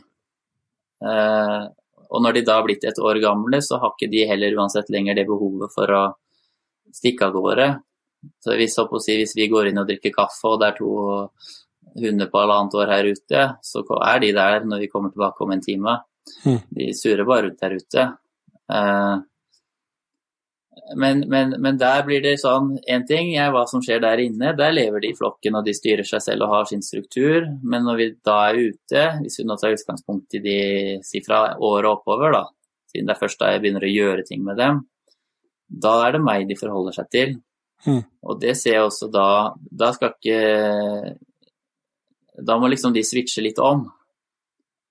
Eh, og da kan det være i starten med en, eh, en hund da første gangen, eller to hunder, at de begynner litt med hverandre å holde på. Eh, og da går liksom jeg bare inn, ofte bare med kroppen og durter borti de eller et eller annet, og bare er på dem. Men jeg må gjøre noe på en sånn måte at jeg når igjennom. Mm. For veldig mange ser jeg da hundeeiere gjør ting, og så liksom bare går hunden videre til noe nytt. Den liksom forholder seg ikke til eieren sin. Nei. Eh, så sånn sett stiller jeg jo krav da, i forhold til det. Eh, men det. Og da kommer den biten inn med at når de vokser opp i flokken sånn som de gjør, så blir de veldig følsomme for det meste. Så det er veldig lite som skal til for å nå igjennom, og for å få den hunden til å forstå at eh, nå er det liksom meg de skal forholde seg til. Mens med nye hunder så er det ofte en større jobb, da. Mm. Eh, Så det er jeg litt opptatt av, men, men samtidig, da, sånn som nå, nå begynner jeg å trene en del nye unghunder av de som lever her. Og da er det liksom rett inn i bilen, da. Og så drar vi fjellet, og når du har vært ute på fjellet da et par ganger, så tar det jo ikke lang tid før de hundene skjønner at når vi skal ut, så skal vi ut og trene. Nei. Så da er det jo liksom bare der. Ja. Eh, og sammen med det å ta med hunder ut på tur også, løse. Det gjør jeg aldri med veldig unge hunder. Hvis de da er si fire, fem, seks, sju måneder gamle, da ville jeg måtte jobbe veldig mye for å få de til å følge med meg. Ja. For da har de liksom ikke den kalde tilknytningen enda. Uh, på samme måte som når de blir eldre. Uh, pluss at jeg har ikke noe da lyst til å gjøre den jobben med så unge hunder, for jeg vil at de skal være litt sånn frie og freidige mm. som unge. Men når de da sier fra året oppover, begynner å ta dem med ut, da stiller jeg mer sånne krav. Og da kommer det naturlig ganske lett av seg selv òg, da. Ja. Og innimellom, for liksom én ting er jo det er klart det at det ser jo veldig fint ut på de filmene da, som jeg har lagt ut med alle hundene som er med ut og går, men det er klart at det er jo en jobb bak òg. Ja, ja, ja. Og det, og det syns jeg er viktig fordi å, å få fram at det er ikke sånn at ting bare kommer av seg selv. Nei. Eh, Så hvis du hører noe da, som jeg håper å si det høres for godt ut til å være sant, så er det jo som regel det. Uansett hva det er. Så, så jeg bruker mye tid på dem, og i starten, første turen jeg er med ut sammen med dem, eh, når de ikke har vært ute på lenge, så er det jo litt som å ha en saueflokk. Men da bruker jeg jo kroppen da, og liksom samler de. Ja. Som en gjetehund, som gjeter sauer Mm. og skjermer de liksom inn. Og de, men de er da veldig følsomme for det kroppsspråket, mens mange fuglehunder er jo ikke det. Nei. Eh, Slipper du de, så er de jo helt blåst, helt i sin egen verden. Eh, så da er det liksom å samle de sånn, da. Og så begynner vi å gå, og så er det kanskje en som finner ut at den kanskje skal jakte, og så snakker jeg tiden da med stemmen. Men det er det den stemmen jeg bruker nå. Og hvis den ikke hører da, så er jeg der som en klegg med en gang på den og liksom dulter dulte borti den eller et eller annet. Bare være, være på den. Så, så mye bygger på å gjøre ting sånn med kroppen og med kroppsspråket, ikke nødvendigvis si så mye. Og når jeg først vil noe og krever noe da, så er jeg der med en gang. Ja. Uh, og så liksom få samla det, og så går det seg til, da. Uh, så det er en jobb, da, men den jobben er ikke sitt og kom og lineføring og gå bak og fot og sånne ting. Så den kontrollen jeg får av å holde på sånn, den føler jeg like gjeldende når jeg kommer ut i fjellet. Eh, Så hvis jeg da håper å si holder kjeft og ikke sier så mye i starten, men bruker mer kroppen og er mer på dem på det viset, så blir de også mye mer lydhøre. Så når jeg først da trenger å si noe, så hører de jo mye bedre. Mm. Kontra hvis du går rundt og maser og kjefter og skriker og roper. Eh, og litt det samme hvis jeg tenker fuglehundtrening òg. Og som jeg ser veldig mye, da f.eks. hvis jeg har vært instruktør noen ganger på sånne samlinger i fuglehundklubben her Ja. i Østerdalen. Og da er det veldig mye stemme hele tiden. Ofte fra mange. Veldig mye mas. Og hundene de bryr seg jo ofte ikke. Nei. Eh, og da tenker jeg hvorfor holder du på sånn? Og da heller holde mer kjeft og kanskje gjøre noe da i stedet. Mm. Eh, for å nå litt gjennom hos den hunden og få eh, Kall det mer handling, da. Ja. Og der er jo vi hundeeiere også veldig forskjellige. Noen er Noen har kanskje Og litt sånn i forhold til egen utvikling og i dette med lederskap og sånn. For jeg personlig har jo hatt veldig mye fokus på meg selv og hva jeg kan gjøre for å komme videre og bli flinkere. Jeg tenker aldri at det er noe galt med hunden. Eller at hun, jeg, har aldri, jeg har aldri tenkt om en hund at den hunden er udugelig, eller den hunden er håpløs. Jeg tenker at eh, det er hos meg det ligger i forhold til hva vi får til. Mm. Eh, Men det betyr jo ikke at det er enkelt. Eh, Men da ser jeg noen hundeeiere har veldig godt av å, å bruke mindre stemme og kanskje gjøre mer. Altså hvis hunden vet hva kom betyr og ikke kommer, så er det ikke nytt å si kom flere ganger. Kanskje bare gå ut og ta på den hunden et bånd og ta den med seg tilbake på en sånn rolig, men kanskje med en litt sånn bestemt måte, da. Og gjøre det noen ganger. Ofte da så går det inn at en hund skjønner at den må. Mens andre igjen kanskje har godt av å bruke mer stemme. Eh, Så vi er forskjellige, da. Ja. Eh, Og det er sånn jeg ting- ser hele tiden på meg selv, for det er jo ikke sånn at ting her er eh, Hundene her hører på meg like mye hele tiden heller. Og i perioden kan jo ting skli ut, eh, og at det kanskje blir litt mye mas for hunder som er ute og jeg liksom sier navnet deres tre og fire og av og til fem ganger før de kommer. Og da er det å ta seg selv litt i nakkeskinnet, da. Og Mm. kanskje heller gjøre noe. For det blir i hvert fall ikke noe bedre at du går og maser. Eh, og så bruke litt tid på det, at jeg da kaller på den hunden med navn f.eks. én gang, og går ut og bare er på den veldig fort. Eh, og dytter tiden, eller bare gjør et eller annet sånt for å fortelle 'hallo, følg med'. Og så går jeg tilbake og roper på nytt, kanskje. Og så kommer den, og så Eller kanskje den ikke kommer, og da kanskje jeg går ut og henter den. Så det er ikke noe oppskrift på det her. Men når jeg først gjør noe sånn, så holder jeg på litt, sånn at jeg ser at den etter hvert kommer med en gang. Ja. Eh, og det er litt av jobben med nye hunder som kommer hit òg, da. Få den, de tingene her litt på plass, da. Ja. Men du, du, det, dømmer ut året da, når du begynner å, ta, altså begynner å prøve dem i fjellet. Ja, ja alltid, det spørs litt når de er født òg, da. Ja, men men uh, si fra ti måneder oppover, da. Ja. Eh, Og det jeg opplever og ser, og så hadde jeg hatt én eller to hunder, hadde jeg starta mye tidligere. Nå er det fordi jeg ikke har tid. Men det jeg ser, er at med hunder som er- begynner å nærme seg året, så skal det mye færre turer i fjellet og et fugl til for å få de hundene til å begynne å gå ordentlig, kontra hvis jeg drasser med meg en ung valp. Ja. Liksom holde på i uker og måneder før det begynner å ligne på noe. Eh, De har kommet litt, de har våkna litt mer også. Mm. Eh, Så er det klart noen hunder må jo stimuleres litt og komme seg litt i fugl og finne litt fugl for å få det i gang. Men ting skjer jo mye fortere, syns jeg, når de er blitt litt eldre før jeg begynner. Ja. Eh, Og litt i forhold til dette med, med unghunder òg. Jeg tenker at hvis hunden, sier ved to års alder, da, har fått i løpet av den tiden den tiden og treningen den trenger, så kommer liksom eh, potensialet fram.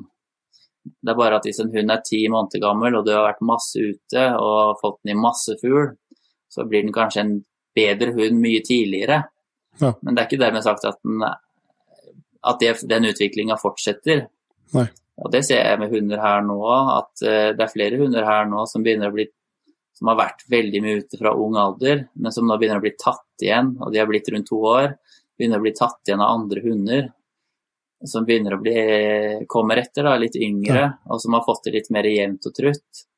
Og som Så du går, ikke- du går ikke, du går ikke glipp av potensialet på. Nei, Altså, jeg, det fø- jeg føler ikke det. Nei. Eh, Og jeg tror at det å ta ting litt sånn, ikke stresse med noe. Det er bedre at den tiden du holder på med hund ute i fjellet, at det kommer noe konstruktivt ut av det. Så det er alltid en mening med det når jeg går ut med en hund. Mm. Jeg driver ikke bare på rundt i fjellet og liksom bare holder på for å holde på. Nei. Uh, ja. Men hvis du, hvis du har med en, eh, en unghund, altså ti-elleve måneder, og så ja. eh, får han komme i fugl noen ganger, men han har ikke liksom, blir ikke noe merkbart bedre av det, venter du en måned eller to igjen, eller fortsetter du å drive på liksom i samme Nei, da bare holder jeg litt på, men, Ja. men det kan komme senere. Ja, At jeg føler, men, men også senere at jeg føler at uh, Hvis jeg har vært, vel, vært mye ute da, over tid, og hun har gitt at hunden har kommet seg i fugl Og da med å komme til fugl, så er jeg også opptatt av at den må finne fuglen. Ja. Det hjelper liksom ikke bare at den støkker fuglen feil i vinden og ser den rype og springer etter. Jeg vil liksom få den i gang og bruke nesa si. Ja. Eh, og plukker opp den eh, si, strålen og følger på, og det blir jo gjerne en støkk i starten, da. Og veldig ofte veldig mye støkking, eh, og det syns jeg bare er kjempefint. Men hvis da hunden ikke etter hvert begynner å komme litt i gang, så kan det være at jeg venter litt en periode. Ja. og det handler jo litt om det at jeg har ikke tid til å holde på med sånt. Nei, ja, Så da er det andre ting jeg må holde på med, pluss at eh, kanskje ikke det å fortsette da gir så veldig mye mer. Det er bedre å Må vente. For, ja, for veldig mye kan skje Ja, veldig mye kan skje gjennom at de bare modnes. Men da kan man jo ikke ha hastverk, da. Nei. Og da kan det ikke være sånn at jeg har Jeg skal på de jaktprøvene, og de er om to måneder. Og Det er derfor jeg ikke er så opptatt av jaktprøver da med unge hunder. Ja. For det kan fort bli en sånn stressfaktor som gjør at en begynner å gjøre ting og håper å si, ta valg som en kanskje ikke ville gjort hvis de jaktprøvene ikke hadde vært der. Nei. Som i det lange løp ikke nødvendigvis er positivt. da. Altså, det er utrolig hva, er hundene reflekterer jo, når man har tatt dem ut på opplevelse i, i fjellet, og at de har uh, f.eks. Støk, støkka masse fugl eller noe sånt. da. Ja, Og så, og så får de en tar med dem hjem, og de får en pause på, ei- Ja. uke. Utrolig hva de kan reflektere, reflektere sjøl òg. Ja, på et eller annet måte er det i hvert fall noe de bearbeider, på et Ja. vis. Og det, og det De, de, må jo få, Ja. må jo få tid og ro til å, til å gjøre, gjøre den jobben sjøl òg. Ja, og det er sånn jeg tenker å holde på. At, at uh, jeg syns det er mye bedre for en hund som f.eks. kommer i fugl sånn jevnt og trutt over lang tid, Mm. enn en hund som bare får masse på én gang. Og når jeg jobber med hunder og med problemer også, så er jeg ikke ute og holder på i time etter time etter time. Hvis jeg føler at jeg har fått utretta noe bra, så drar jeg hjem, og så får de hvile, og kanskje bare noen dager. Ja. Og så ser jeg ofte effekten av det jeg har gjort også. Men det kan man jo se på godt og vondt òg. At ting du gjør nå, kan kanskje vise seg i framtiden. F.eks. Uh, si typisk engelsetter, da, som er, kan være litt sånn forsiktige fra natur og ha en litt sånn bløt nese. Og tidlig standfast eller sterkt standinstinkt, eller hva du kaller det. Mm. Eh, og veldig mye kalder krav og dressur fra ung alder kan jo f.eks. gjøre at en hund fungerer veldig godt som ung, men plutselig så har den blitt to år, og plutselig slutter den å reise, eller at den begynner å stå tomt, eller at den ikke avanserer, får rype som flytter på seg og springer unna. Eh, og der kommer litt den biten inn, da med dressur og mye kall det restriksjoner fra oss fra ung alder, kontra at den hadde fått lov til å holde på få dette litt mer over tid og litt mer frihet. Mm. Så sånne ting, da alt man gjør der ute, gjør noe på et eller annet vis. På, Mm. på, på å si godt og vondt. Uh, ja. Så det å ikke stresse òg.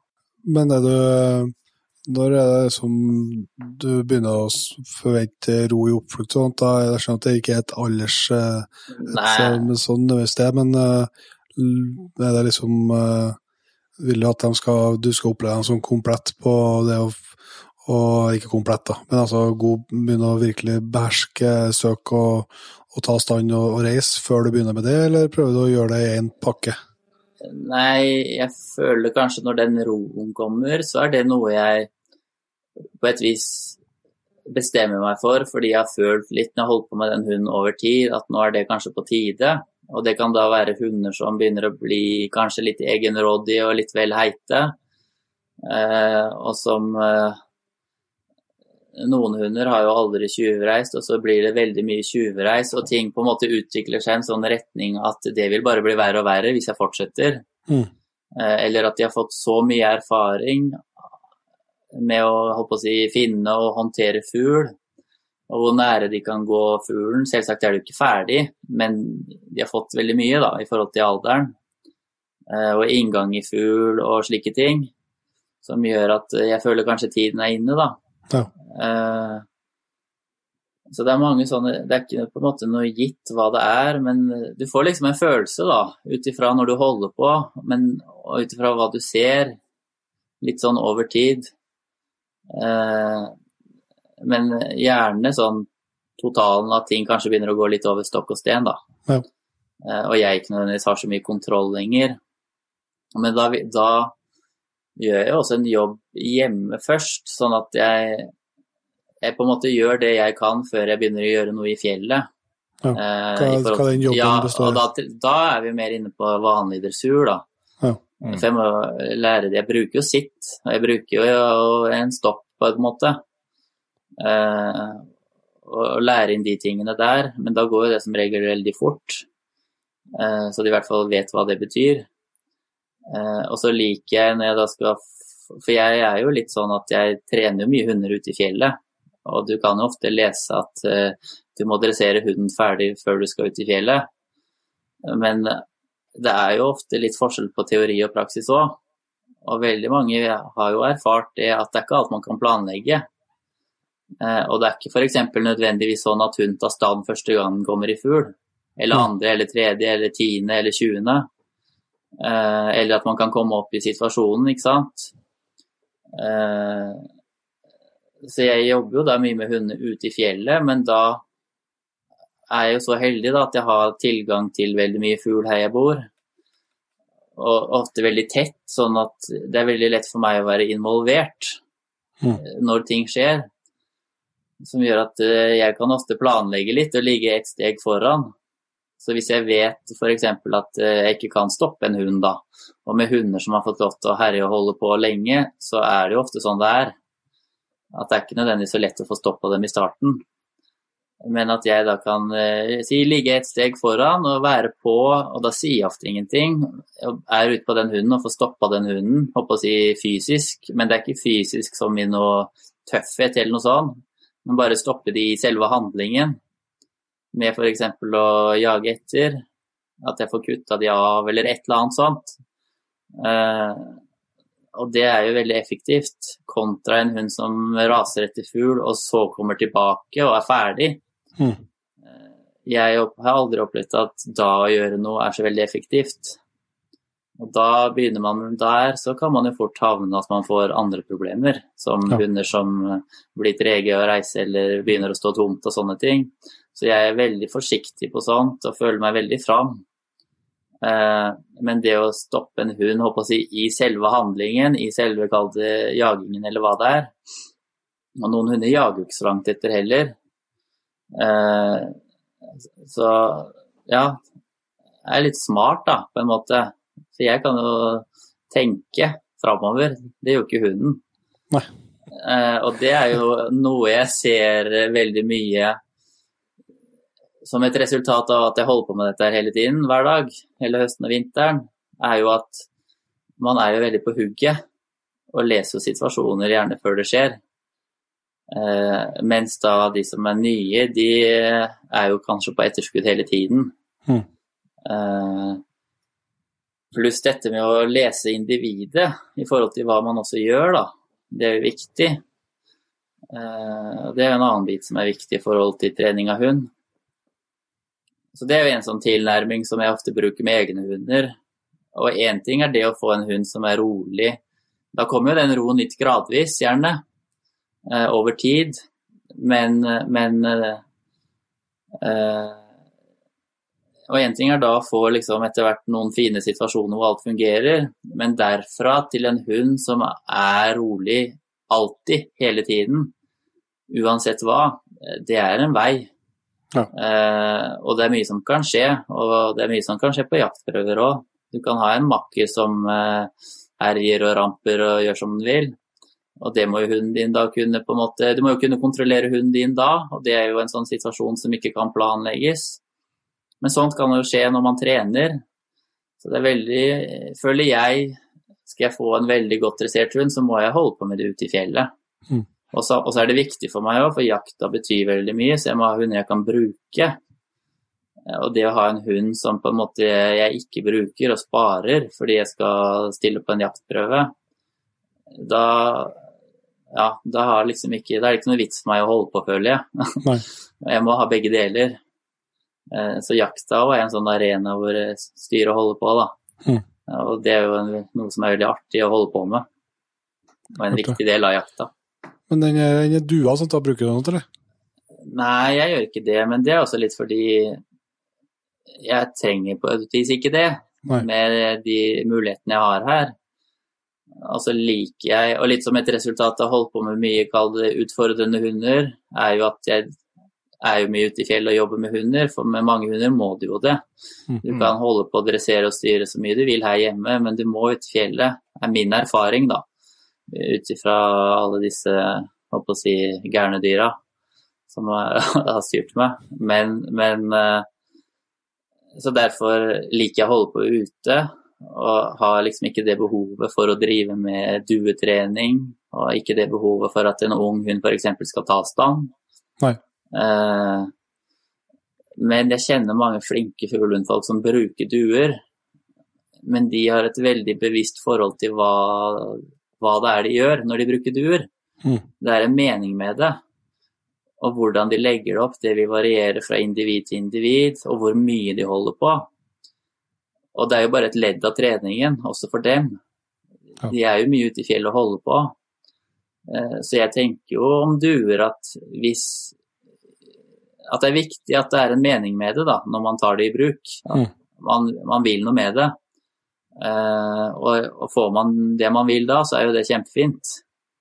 Eh, så så jeg er jo ikke sånn svart-hvitt i forhold til sånne ting. Nei. Eh, mens ofte da kanskje for de som er helt ferske, hvor duetrening er noe som er litt tilgjengelig, Mm.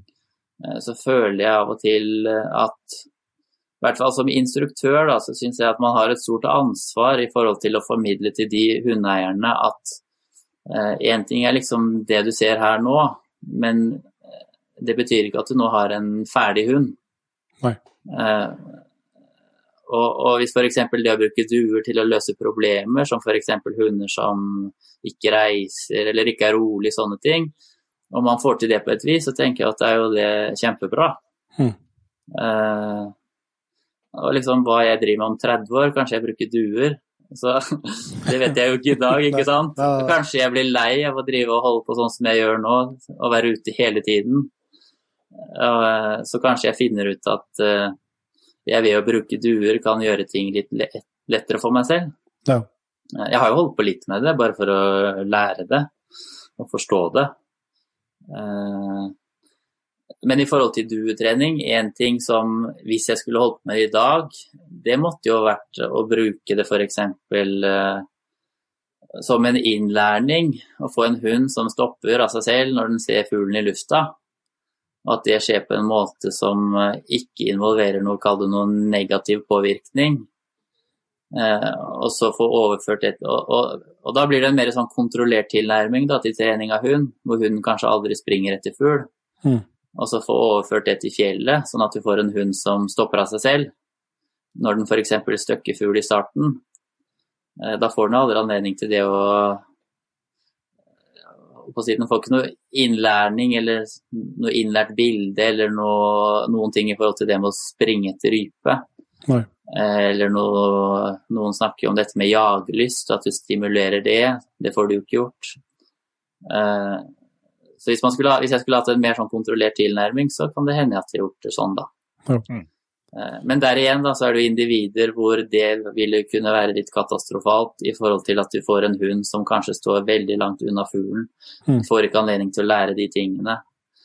Eh, Og at det å holde på litt og springe litt etter kanskje kan gjøre at den begynner å gå litt tøffere på. da.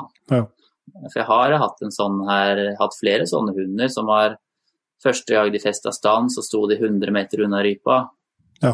Og så brukte jeg et kvarter på å avansere seg framover. Og det var helt udresserte hunder. Ja.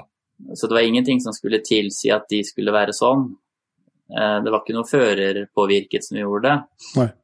Jeg holdt jo på så lenge for å få det til å forsvinne, da. Og få den hunden til å stå tettere på og tørre å gå på. Og hadde jeg brukt duer på den hunden, f.eks. standtrening, da, så vet jeg jo ikke helt hva det hadde blitt ut av den. Nei. Det kunne jo vært litt ødeleggende. Mm. Så man må tenke litt, da, uansett hva man driver med. Hva er det du vil med det? Og så se det litt i forhold til individet, da. En sånn, men det er så, helt sånn konkret utfordring som jeg vet at mange, mange unge hundeeiere har opplevd og kjent på kanskje også etter hvert når de blir litt eldre, og det er jo de hundene som begynner med denne tyvreisinga. Jeg vil tro at det er en, eh, en eh, kasus som du får eh, spørsmål om innimellom òg. Ja, og hvis du snakker du med erfarne fuglenfolk, så vil jo de synes at det er kjempefint med hunder som tjuvreiser, eller som fra starten av f.eks. går veldig tett på fugl. Så hvis, du, hvis jeg først tenker på det som i forhold til eh, egne unge hunder, da, hvis de tjuvreiser, så får de bare holde på med det. Da blir de liksom eh, nærmer seg to års alder og liksom ikke begynner å se noen utvikling i forhold til at de står, er fast i standen så må jeg gjøre et eller annet for å få de helt faste, da. Mm. Eh, og så tenker jeg, men så tenker jeg for den vanlige fuglehundeier altså Det er lett for meg å la en hund holde på sånn, men en vanlig fuglehundeier som kanskje ikke har anledning til å være så mye ute, og, og at den hunden kommer i så veldig mye fugl, så er det jo kanskje litt unødvendig, da. At den skal det, og man skal bruke masse tid på det. Så da tror jeg kanskje at for den vanlige fuglehundeier vil det være riktigere å kalle det ha en mer dressert hund. Og ha litt mer styring over ting. For med en dressert hund som du også kan påvirke litt i fugl, og f.eks. la den gå etter og stoppe den f.eks., da blir jo dette med tjuvreis ofte ikke noe stort problem. For det er jo kalt ofte den i teorien da løsningen på hunder som tjuvreiser er å få de rolig oppflukt. Mm. Eller kall det respektere fugl. Da kommer ofte standen litt av seg selv etter hvert. At de blir fastere og fastere. Og så føler man seg litt fram. Men det er jo liksom eh, I praksis, da, så er det jo ikke så lett alltid, da, eller så enkelt. Det er ikke noe oppskrift som er lik for alle. I hvert fall ikke er det det for meg, da. Eh, men jeg må i alle fall en hund som tjuvreiser få kontroll på et vis. Og det er jo også litt tilbake til det som skjer her hjemme, og hvordan de lever her. At jeg får litt den der kontakten og kontrollen og påvirkningskraften, og kan styre hundene og kontrollere de f.eks. mer med stemmen, uten at det er noe sånn dressurøvelse. For den kontrollen jeg da får, gjør at jeg også gradvis gjerne får mer kontroll ute i fjellet. Og kan påvirke den hunden bare nok til at den etter hvert begynner å stå. Da. Ja. Eh, det her er jo ikke noen sånn oppskrift, så mange vil vel kanskje ha det, men jeg, jeg har ikke det. Dessverre. Men den, apportbiten, da. Ja. Hvordan, eh, hvordan forholder du deg til Når tar du inn det i miksen, skal jeg si, og hvordan forholder du deg til, til den Eh, treninga? Jeg syns jo ofte at man kan få mye gratis av å holde på litt med en liten valp, da. Ja. Og på en måte stimulere det litt, sånn at du får, skaper en apport, eller motivasjon for å apportere. Mm. Eh, og det gjorde jeg veldig mye før. Det blir mindre nå, litt fordi ja, ja, litt sånn tid, da. Eh, så, så det å skape en slags motivasjon for å rapportere, og så etter hvert som da, da kan utfordringer oppstå da, med en valp, at den plutselig begynner å tygge på den rapporten eller ikke vil komme inn og sånne ting, og løse det underveis mens man holder på, så ting liksom fungerer. Eh, og holde på litt sånn jevnt og trutt etter hvert som den blir eldre, med noen dømmer eller tennisballer og sånn. Eh, for da opplever jeg at ting senere kan bli veldig mye lettere. Når du i utgangspunktet har en stor motivasjon. Eh, Du kommer jo ikke vekk fra det at du på et eller annet tidspunkt må kunne kreve også. Eh, Kanskje ikke, i hvert fall en hund som skal kunne apportere i alle situasjoner. Men at man da gradvis går over mer til krav i form av å si konsekvensapport. Da. Mm. Og det er jo litt mer sånn formell trening med å holde og bære. Eh, Men har man da en motivert apportør, så kanskje det å hente kommer helt av seg selv. Ja. Eh, Så sånn har jeg gjort mye, eh, og det er vel ja, det er en artig ting å holde på med òg. Men det er jo en bakside ved veldig mye sånt jeg håper å si lek òg, da. Og det er jo at man kan skape mye stress òg. Mm. For jeg har en sånn hund her som er min, og han er en veldig motivert apportør. Men han har jo mer stress i seg enn noen av de andre.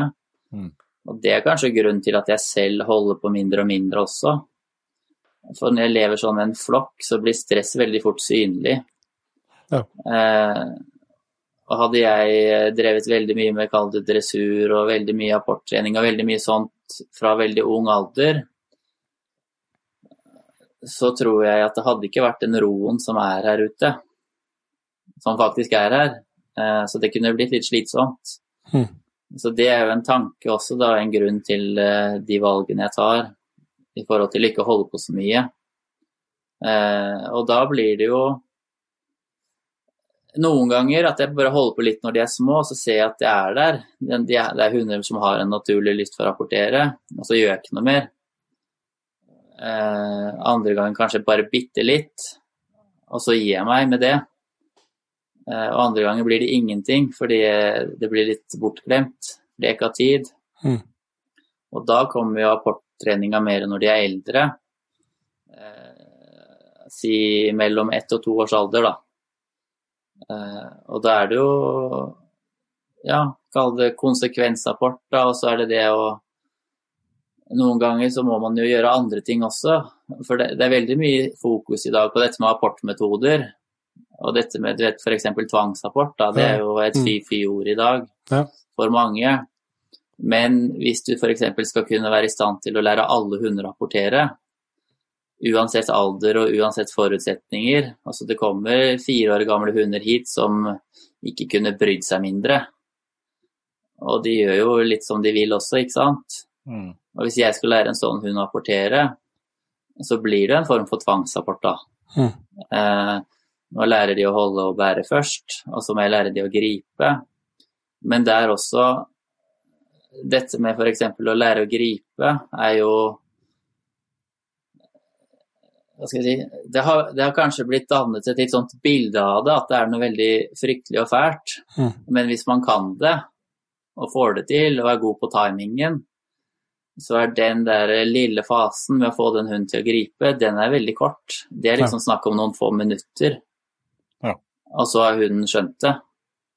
Kanskje to minutter med noen få repetisjoner, og så to minutter litt senere, og så er liksom det gått opp det lyset. Og da har den liksom knekt den koden. Så i forhold til tvangsapport for meg da, så er det mer en en innlæringsmåte i forhold til å Hvor hunden da er kalt en veldig aktiv, spiller en veldig aktiv rolle da, i forhold til at den sitter ikke fast noe sted på et vis. Den er ganske løs og fri. Så det er hele tiden den som gjør det hele. Mm. Og da føler jeg at læringen kommer veldig fort. Og sånn sett er jo opplever jeg, kall det konsekvensrapport, hvor du, hunden sitter der i ro, og du hele tiden gjør alt. Du putter den inn i kjeften på den og får den til å holde der osv. Hunden blir veldig passiv.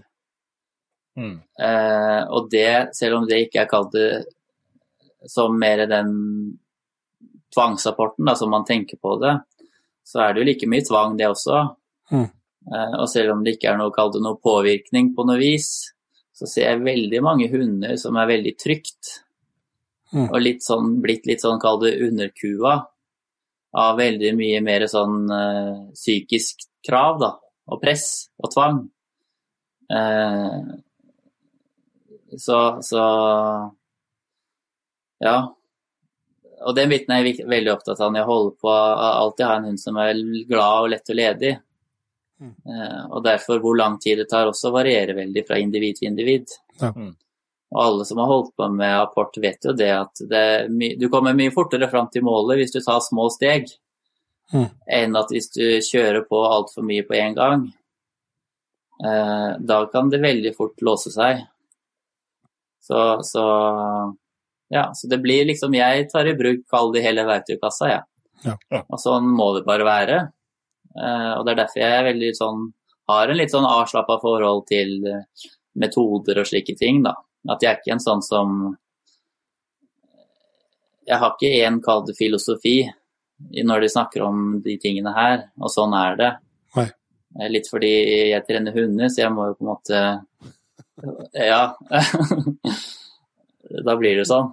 Ja, Ja. Nei, så det, det var, jeg syns både er veldig befriende å høre på, og, og det er jo en Jeg tror det er et mye mer ekte, et mye mer ekte bilde òg, Ja. enn at uh, man liksom skal bestemme seg for at uh, noe som åpenbart ikke er svart-hvitt, skal være svart-hvitt. Ja, altså én ting er det å ha en uh, hund som liksom går ut og henter tøyleke inne på stuegulvet, og en da hund som skal kunne apportere i alle situasjoner ute på jakt. Eh, så bare for at en hund henter noe fordi den syns det er gøy hjemme, betyr ikke at den hunden apporterer ute i fjellet. Eh, eller, og det er mange situasjoner både på jakt og prøve du kan komme opp i som kan bli veldig krevende. Du kan ha, og det havna masse i det i høst, hvor én hund har blitt felt fugl for, og så er det en annen hund som skal apportere, og den vet ikke engang hvor den rypa ligger, og blir sendt ut på et apportsøk, og på det apportsøket så letter det mer fugl. Mm. Og da må jeg kunne få den hunden til å konsentrere seg om at eh, den skal hente den rypa. Mm. Eh, Så derfor på et eller annet tidspunkt så må, er min erfaring i hvert fall at eh, det må en form for krav inn da, som gjør at hunden ja, gir litt etter for det du ønsker da. Men det betyr ikke at det ikke blir en glad portør. Nei, Etter hvert så blir jo hunder sånne hunder, eller etter hvert, eh, nesten hele veien, så er jo disse hundene veldig glade. Det er bare at etter hvert så gjør de det virkelig med glede, er min Mm. opplevelse. Og sånn skal det være. Så hvis man har en Kanskje mange har mye negativt å si om en eller annen bestemt apportmetode fordi de har sett en eller annen hund som har vært trent sånn, og så ser de en hund som går med halen mellom beina og ser litt sånn eh, stakkarslig ut så kan det jo kanskje være at den som har lært en hund å apportere, at det kan være der det ligger, da, Mm, tenker jeg. For det er mange veldig flinke apportinstruktører rundt om, og som har lært veldig mange hunder å apportere. Og de får jo alltid glade apportører uansett hva de gjør. Jeg ser, jeg ser jo det med apporten nå, altså, det er jo et, eh, altså, et eh, sånn element med respekt for viltet og, og, eh, og sånn, og så avslutte eh, hvis det er et vingeskutt rype. Altså, det er jo noe med å avslutte uh, lidelser til det dyret man jakter på, Ja, som er et, eh, som er et viktig element, tenker jeg, inn i den. Inn i, den, altså, at det, det vi gjorde, jo, vi gjorde skyld, skyldig, eh, skyldig det, det, de fuglene vi jakter på. Det Ja. tenker jeg. så det, i det store og det hele så handler det egentlig om å kunne drive human jakt, da. Mm. Ja. Eh, Og jeg finner veldig mye rype ut på, på fjellet som ikke jeg har skutt. Mm. Eh, Og tenker eh, de eh, rypene har jo fått lide ganske lenge, da. Mm. Før de har holdt å si, strøket med. Ja. Så ja, jeg syns det er viktig. Det er, viktig å, det er en viktig del av jakta. Absolutt. Du, du treffer jo veldig mye fuglehunder, som du sier, både eh, nybegynnere og erfarne. Men hvis du, du tenker på de nybegynnerne først her, da. Hvis eh, du skal komme med noen tips og tanker til dem som eventuelt vurderer å kjøpe seg en, eh, sin første fuglehund, Ja, eh, hva er det liksom du tenker er en bra, bra start før man altså En er jo på en måte å finne linjene og, og Mm. og den biten der, men mm. nå liksom det å forberede seg på, på det hundeholdet man, eh, man ja skal når ha. den kom, kommer, mener du? Ja. Ja, jeg syns jo hvis man kan, da, for du vet, utfordringer vil man få, og man vil komme i situasjoner hvor man ikke vet hva man skal gjøre. Mm. Eh, Så det beste, liksom sånn eh, nesten forebyggende, det er jo å finne noen som du kan støtte deg litt til. Mm. Og det må være en person som, ja, som du har litt tiltro til, og som du selv er flink, føler er flink. Ja. Det er viktig, fordi én ting er liksom det å stille spørsmål på en eller annen side, og du får 100 gode råd, men det gir ofte ikke så veldig mye sånn i praksis. Så klarer man, Og det bør jo helst være oppdretter, gjerne, da. Mm. Så, så det syns jeg er viktig, å finne noen sånn. Eh, og, og ellers er det jo veldig mange måter å ha hund på. Og jeg tenker, eh, hvis du, uansett, hvis du snakker med ti forskjellige, så får du liksom høre ti forskjellige ting da, om Mm. hva du skal gjøre og ikke skal gjøre. Mm. Men en ting jeg føler, og jeg opplever med mange, er at veldig mange er så redd for å gjøre feil, og at ting skal bli galt. Og jeg ser veldig mange er veldig sånn, nesten litt sånn stressa i forhold til at dette kanskje ikke blir bra. Og der vil du se at de som da har hatt noen hunder, og når de får seg en ny valp, så er de veldig avslappa i forhold til den. Litt det samme som uh, har du tre unger og får en fjerde, så, så er du vel sikkert veldig avslappa til den eh, unge nummer fire også. Mm. Ja. Ting du stressa og styrte med da den første kom, det er kanskje ikke så viktig lenger. Så det å ikke være redd for at, at ting blir feil, og prøve å tenke litt gjennom på forhånd hvordan man legger opp ting. Mm. Eh, så du ikke havner litt i en sånn ond sirkel hvor alt bare blir negativt mellom deg og hunden. I forhold til eh, hvordan For det er en liten valp, og det er klart Jeg syns det er veldig viktig at en liten valp eh, fra dag én på en måte lærer seg å opptre overfor oss på en, kall det en Kall det en respektfull måte, da. Litt sånn Mm. som overfor mora si. Så den oppdragelsesbiten er veldig viktig. Så jeg tror mange da ved å prøve å hente litt kunnskap et eller annet sted eh, i forhold til den biten, det er viktigere enn dressuren. Mm. Eh, For det å lære en valp å sitte og sånn er jo som regel en veldig enkel sak. Men jeg ser veldig mange som har veldig problemer i hundeholdet, men hunden er veldig Lydighetsbiten, den er på plass. Ja. Så, det ikke, så det er ikke der folk har problemer. Å tenke litt gjennom uh, de tingene du gjør nå mens den valpen er liten, det vil jo påvirke i forhold til hva den valpen vokser opp til å bli. Så hvis du vil ha en hund som etter hvert blir en stille og rolig og trivelig avslappa hund, og legge litt til rette for det når den er liten, gjennom at den f.eks. får mye søvn, det, det at den eh, og mange vil kanskje tenke at det her er ekstremt, men jeg tenker at en liten valp gjerne kan sove åtte timer om dagen, Mm. i tillegg til natta. Jeg ser hundene her, når de er små, sover hele tida. Mm. Og de kan gå ut og gjøre hva de vil. Ja. Eh, For da slipper man veldig mye annet. For du vet jo en valp da, som er håper å si, overtrøtt. Det blir jo fort veldig mye tull, da. Ja. Litt for å unngå det. Altså Når den da er våken, så på en måte er den der da sammen med familien og liksom kan få leke og holde på. Mm. Eh, Eller bare det, hvis det er unger i familien, at man lærer seg til å omgås den hunden på en rolig måte.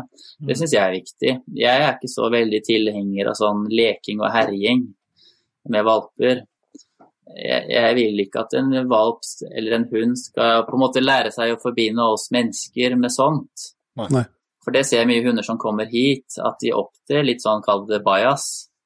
Og de eierne har jo styrt og lekt og herja mye med den valpen. Og kanskje har det til og med gjort at de har begynt å bruke tenna, f.eks. Mm. Eh, mange oppdrettere er jo flinke til å lære valp, avlære biting før de leverer fra seg valpen. Men så kommer det veldig fort tilbake, da. Gjerne. Mm.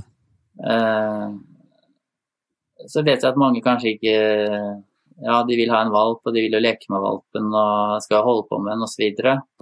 Men det er liksom måten man gjør det på, da. Jeg Mm. syns det er mye bedre hvis barna i familien kan omgås den vapen på en stille og rolig måte. At den kanskje til og med kan eh, lære seg å, å si, aktivere seg selv med et eller annet lek den har, en taulek eller et eller annet. Mm. Og når den er ferdig med det og er litt sliten, at den da får komme på fanget og få litt kos og avslapning.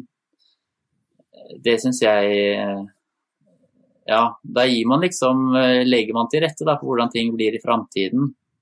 For én ting er den lille valpen, men når den blir større, så er det kanskje ikke så trivelig lenger med en hund som er en uh, propell og uh, litt bajas, da. Nei.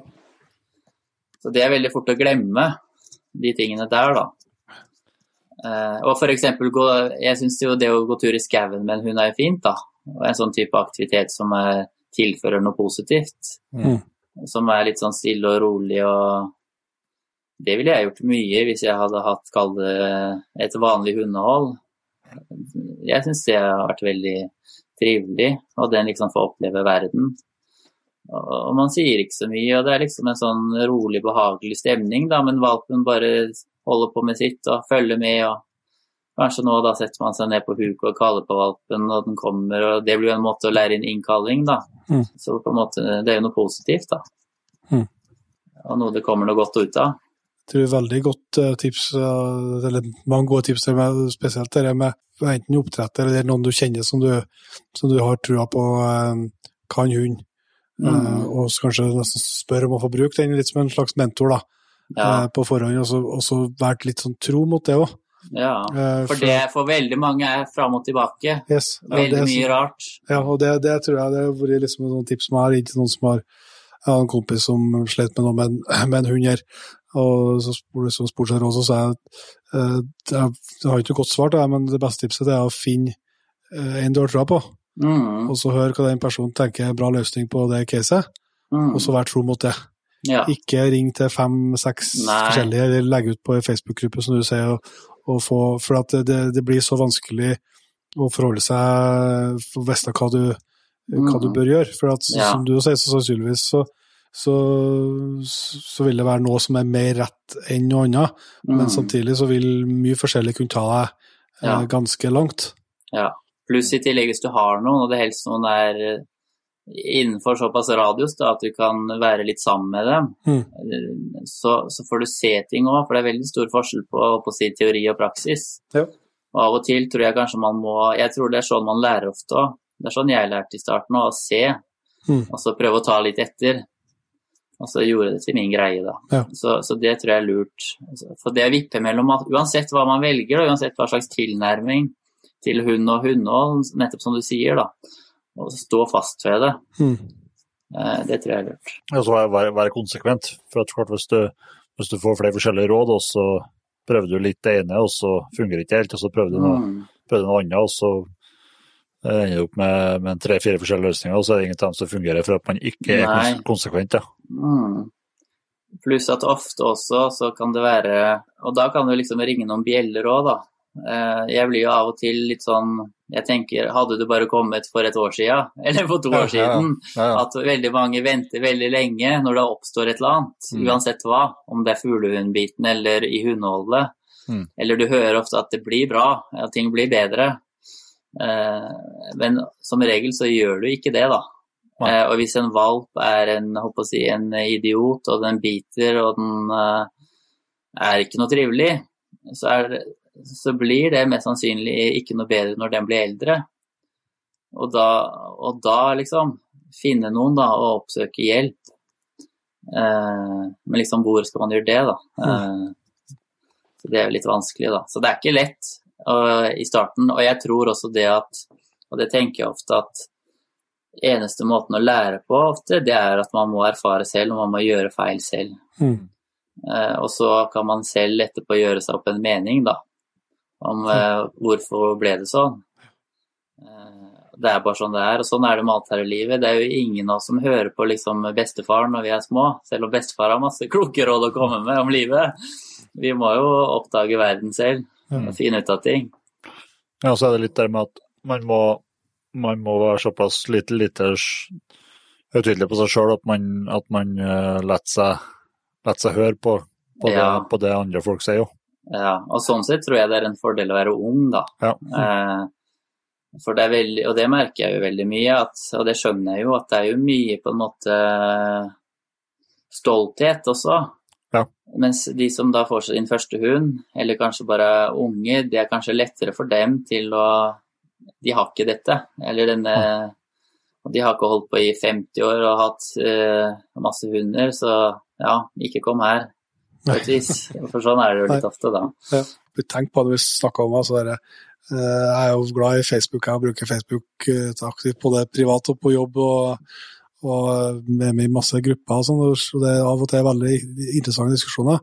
Men det, akkurat det eh, tror jeg for mange altså, blir ofte mer forvirrende enn altså, at det eh, stjeler mer energi og fokus enn, Ja, enn det gir. for at eh, det så, altså det, og det er ikke bare nødvendigvis hunder, det kan være bare sånne enkle ting som at folk spør om hvilken haglpatron som er best. ja, ja, det blir jo Eh, krig om det, liksom, til Yes. og med. Det blir det også, også sannsynligvis så er det ingen som har testa ti forskjellige patroner i hagla di, som nei. egentlig kan gi deg et eh, svar. Du må ut og teste sjøl, eller så må du være happy med det du, med det du har.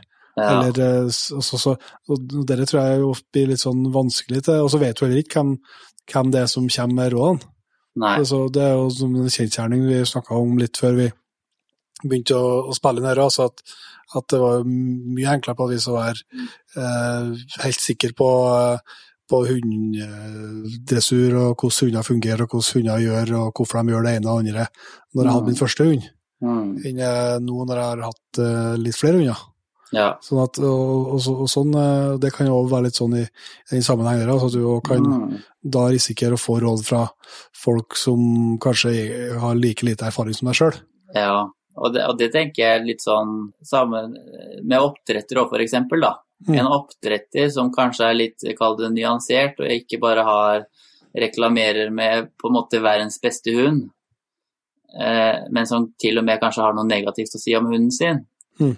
Og ikke nødvendigvis ha svaret på alt, det vil jo være en jeg vil ha større tiltro til, da, Mm. enn det motsatte. Så det er jo kanskje et råd når man finner noen også, ja. Og det er jo litt det du sier, da. Ja, mm. Det tror jeg kan være et, eh, et godt tidspunkt. Når du sier eh, bare positive ting, da, hvis du, har du noe mulighet til å beskrive en optimal uh, fuglehund i, i din verden? Ja, jeg, jeg ser jo litt det da etter hvert nå, at tidligere så var det nok mer sånn at eh, jeg holdt på med en bestemt type hund, da, innen Mm. engelsetter, så er det veldig lett å da Du blir veldig glad i akkurat den typen, Ja. og kanskje litt sånn blind i forhold til det er det eneste som er bra.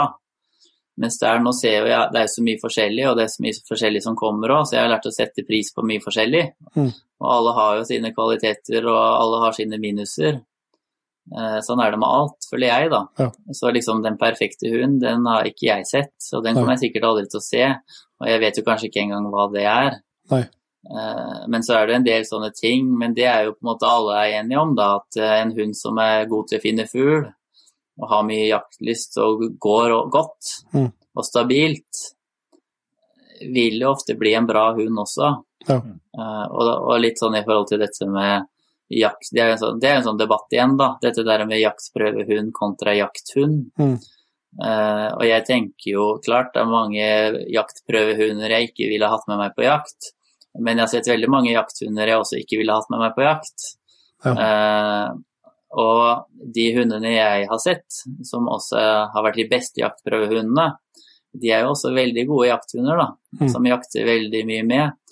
Og de gjør det jo bra på jaktprøver, kanskje nettopp fordi de er veldig flinke til å finne fugl. Og har et søk, et veldig bra søk, da, som de også ofte scorer på da, på prøve.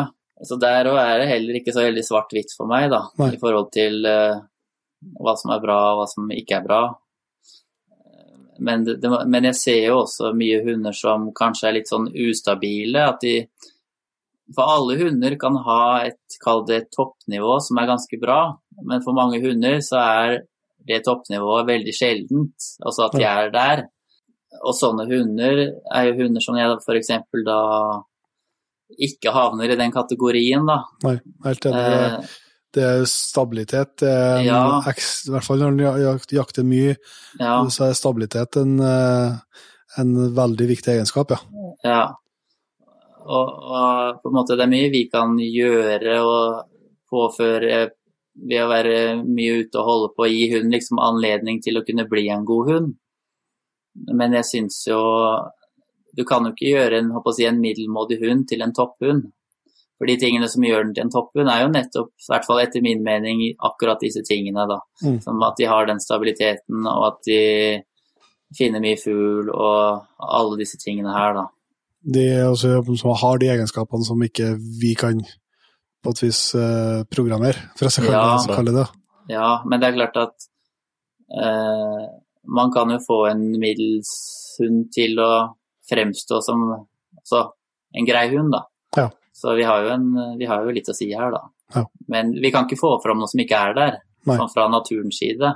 Eh, veldig, eh, veldig, veldig interessant. Det har vært en, eh, en eh, prat eh, som jeg har sett veldig pris på, Anders. Eh, Jeg syns jo vi skal også koste på det her, eh, vi skal ikke runde av riktig ennå, men også koste på det at Ingen nevnte jo det, den Facebook-sida som heter eh, Fuglehund i flokk. Mm. Den vil jeg varmt anbefale at folk følger og ser hva du legger ut, både for, med fuglehunder, men jeg tror også for som har interesse for, for hundehold. For det, det, og det merker vi når vi prater med han nå, at uh, flink til å det, altså det er jo det som er utfordringa, er at det er jo vanskelig å være konkret. At da har Ja. inn på årsakene til. Men det er Ja. jeg at du formidler det både på Facebook-sida og her på en, eh, på en måte som i hvert fall gjør at du får en, en output av det, selv om du ikke har eh, en, en helt krystallklar oppskrift fra, på, fra A til B. Mm, det er hyggelig å høre. Og så vil jeg si da, i forhold til den siden der òg at utfordringen med å på en måte formidle ting skriftlig, det er jo at skal man klare å få fram et budskap, så kan du heller på en måte ikke få med alle nyansene. Nei. Eh, Men det betyr jo ikke at det ikke er nyansert. Så hvis jeg skriver noe om én ting, så er jo ikke det sånn at det jeg skriver da, er på en måte alt om den tingen. Det er bare akkurat det. Og så tenker jeg, jeg opplever at folk er flinke til å forstå det. Mm. Og, og, og tenke, tenke såpass, da. At de kan ta det for det det er, på et vis. Ja. Den kombinasjonen med, med både de skriftlige refleksjonene dine pluss uh, bruken av, av videoklipp mm. er en fin kombinasjon. Absolutt. Og det er jo artig òg, da. Så det er jo på en måte Det er jo en side jeg har fordi jeg syns det er artig. Mm. Og når jeg skriver nå, er det jo liksom sånne innfall Ja. jeg får. Ja, altså, det, det det er jo noe jeg vel brenner for, da. Ja. Men jeg har en sånn Instagram-konto òg, men den har jeg jo liksom dabbet av, for det syns jeg ikke er noe gøy. Å legge ut bilder der, det gir meg ikke så mye. Nei. Eh, mens den siden er liksom drevet kun av motivasjon. Ja. Ja. Ja, det, det, vises, det vises på at, eh, at du, du setter pris på og trives med å skrive, skrive innpå der. Mm, ja. Altså, men så er jo ting altså er jo ikke, For meg heller er det jo ikke noe fasit på ting heller. så jeg, Med hunder som kommer også, så er det jo det som vi var inne på før vi starta, dette med å føle seg litt fram. Mm. Jeg har ikke noe plan med en hund når den kommer. Jeg liksom bare starter, og så tar det litt som det kommer. Og ser litt. Og Mm. sånn er det med alt. Eh, å si, sånn er det med alt her i livet. Ja. Så liksom bare lærer, da, mens man holder på. Feil blir jo også gjort, ikke sant. Ja, uten, at det er noe, uten at det er noe krise. Og det er en sånn ting jeg har lært meg til, da, litt sånn som hundene, de lever jo her og nå. Så ting skjer jo der ute. Eller liksom i, for livet til en hund. Men så er det over, og så er det ute av verdenen. Mm. Uh, og litt sånn er det for meg også. Ja. Så jeg glemmer jo ting. Og fester meg ikke ved ting. Nei. Litt som å være laksefisker. Altså, du må jo ha litt sånn gul fiskehjerne. Skal du, skal du komme deg ned til elva og holde på Det er ikke noe tvil om. dag ut og dag inn ja, uten å få det. Men jeg tror jeg ikke snakka så mye om eh, jakta di, egentlig. Anders, jakter du mye områdene rundt der du bor, eller? Ja, jeg har jo et terreng her, da, som er ganske fint og stort. Som jeg har liksom Og det må jeg si, da, for jeg er en innflytter her i bygda jeg bor, i Ja. Øversedalen. Og har jo blitt tatt veldig godt imot, og blitt en del av bygda veldig fort. Ja. Eh, og fått liksom veldig tilrettelagt, eh, uten at jeg selv har vært frampå og tatt meg til rette eller noe. Så det har jo gjort at jeg etter hvert også har fått fått veldig fint da, i forhold til hva jeg har tilgang til. Så jeg har jo et jaktterreng her sammen med en kamerat, vi har det sammen, som Ja. vi leier fra noen naboer her. Ja. Så da har jo jeg taksering og jakting der, og bruker veldig mye tid der om høsten spesielt. Mm. Eh, og når vi kommer da litt ut i september da, av septemberjakta, så er jeg jo som regel drittlei av å være der òg, da. Eh, så da må jeg jo komme meg til andre plasser. Og da jakter jeg jo rundt her, mest da her i Nord-Østerdalen. Mm. Eh, Ja, For det, er tol Tolga du bor, eller? ja. Og det er jo veldig mye fint her, da. Mm. Litt av problemet er jo at alt er jo privat. Ja. Og det, ja, ser jo det. Det er jo folk med penger som uh, får tilgang til det, Ja. stort sett. Så det er litt synd, men det er alltid muligheter til å få til noe. Ja. Uh, ja. Så jeg jakter litt sånn og mye i Røros og rundt omkring, da. Ja. Ja. Bare for variasjonen. Mm. Uh, og så har jeg jo, var jeg jo i Finnmark en lengre periode og holdt på der med hund. Og holdt på å jakta der en hel høst. Eh, så det er jo ikke utenkelig at jeg begynner å dra opp dit etter hvert igjen, da. Nei. Bare en uke om høsten for å få litt variasjon. Litt sånn for Mm. turens skyld og avveksling. Ja. Så at noen får komme hit og passe hunder, så tar jeg med det jeg trenger. Men er det, det er rypejakta du, holder høyest, liksom? Er det, klar, flere, det ligger ut, du skjøt jo litt eh, skogsfugl da? Ja, jeg jakter mye i skogen også, men liksom rypejakt blir mest i forhold til eh, ja, trening av hunder også. Og Ja. selv de som kommer som skal ha hunden sin til skogsfugl, så er det, syns jeg ofte, mer optimalt å starte i, i fjellet med rype. Ja. I hvert fall når det er hunder det er litt problemer med, siden du da ja, bedre oversikt og mer fugl og lettere å få gjort ting litt mer ordentlig, da. Ja. Eh, men skogsfugljakta ja, er jo på et vis litt artigere òg, på en måte. Ja. Og det står mye Jeg syns at en tiur er for meg mer verdt enn 20 ryper. Ja. Eh, å få felt. Ja. Og det er artig med hunder òg, når de blir gode skogsfuglhunder.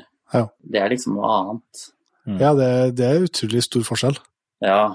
Både hvordan ja, hundene kan og bør og må jobbe og sånn, men, eh, men også liksom med skytinga, hvordan du skal oppføre deg som jeger. Det ja.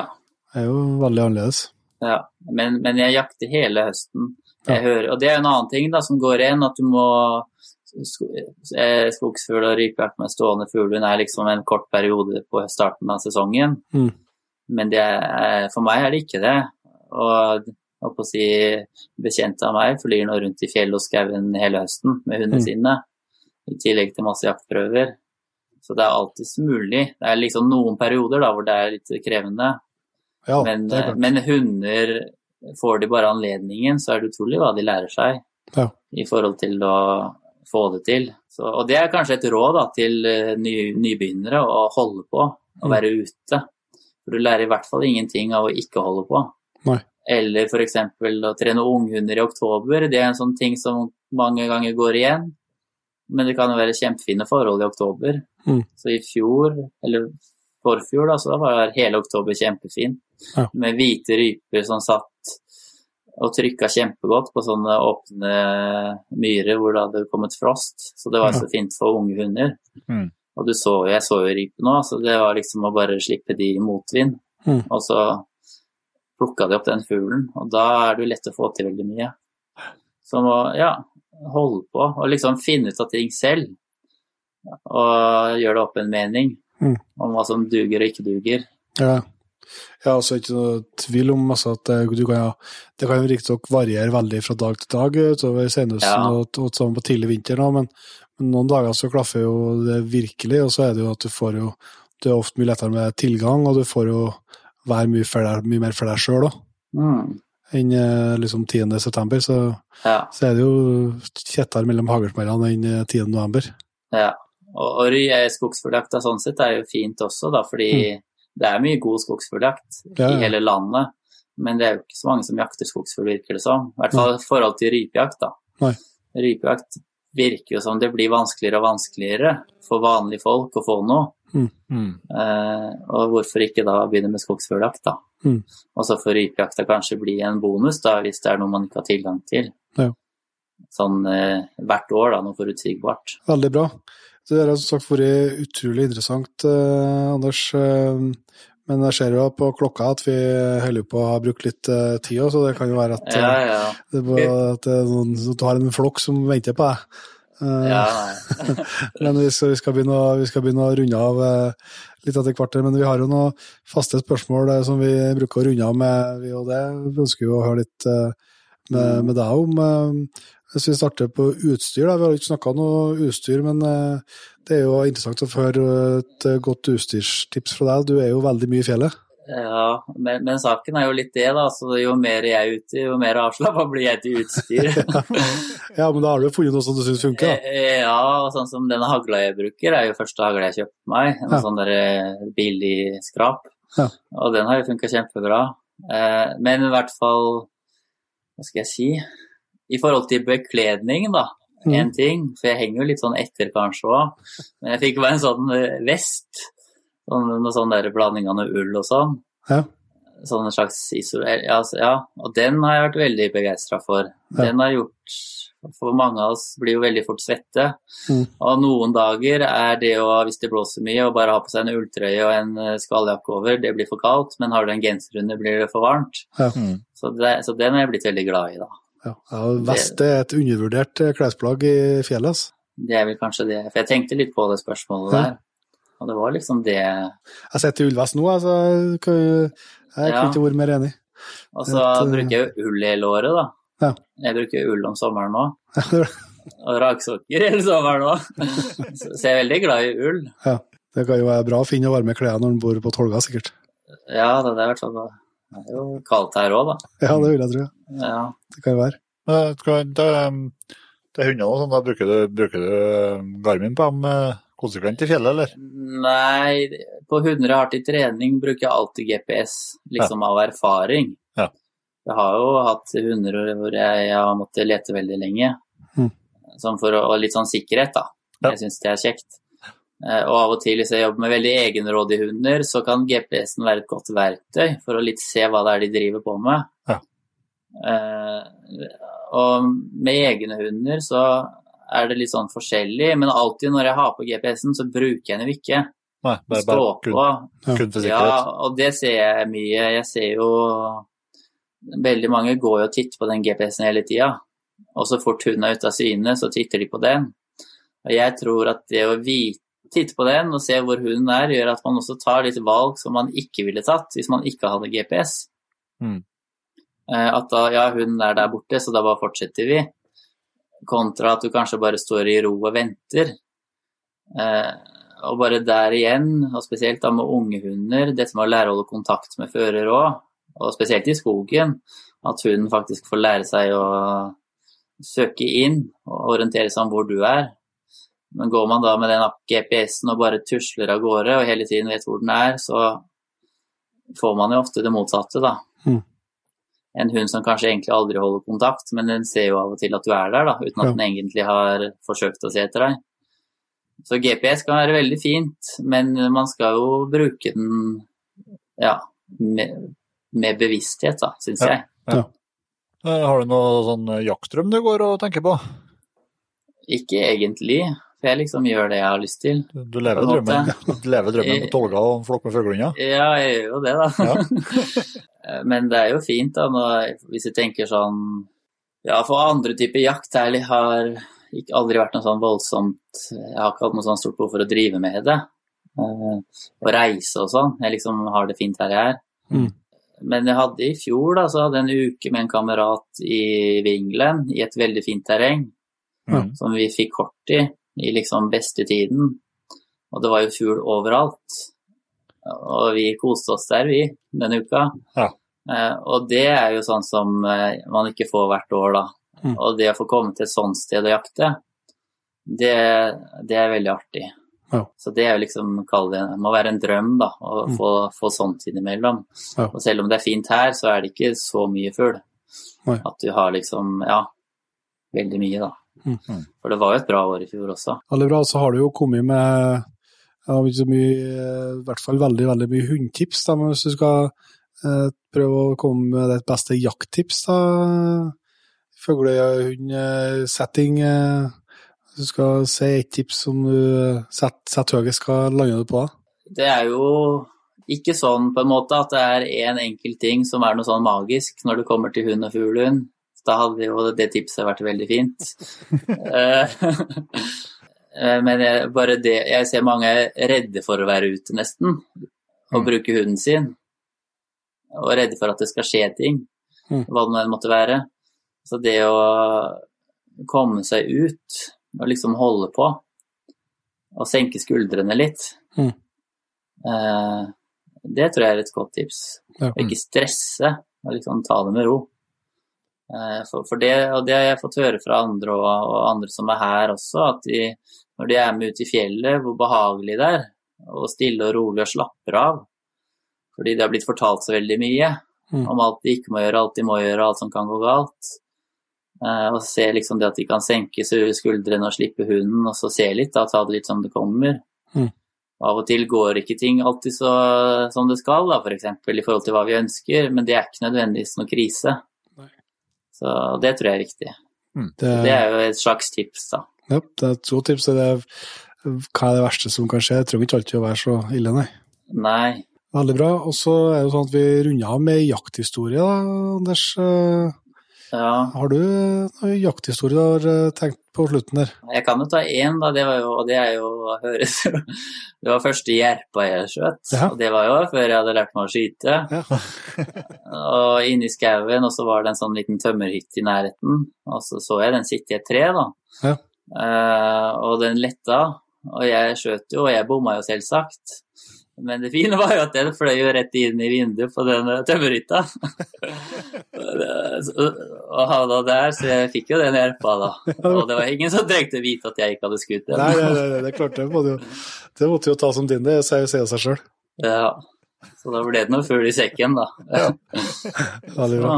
Nei, men du, Dette har vært fornøyelse, Anders. Vi vil si at eh, tusen hjertelig takk for at du tok deg tida til en eh, prat med oss. Eh, Det setter i hvert fall jeg er vi veldig stor pris på. Det vil jeg tro at eh, de som har vært med oss helt hit, òg gjør. For det har vært en fornøyelse. bare hyggelig. Veldig, veldig hyggelig å bli spurt òg, da, syns jeg.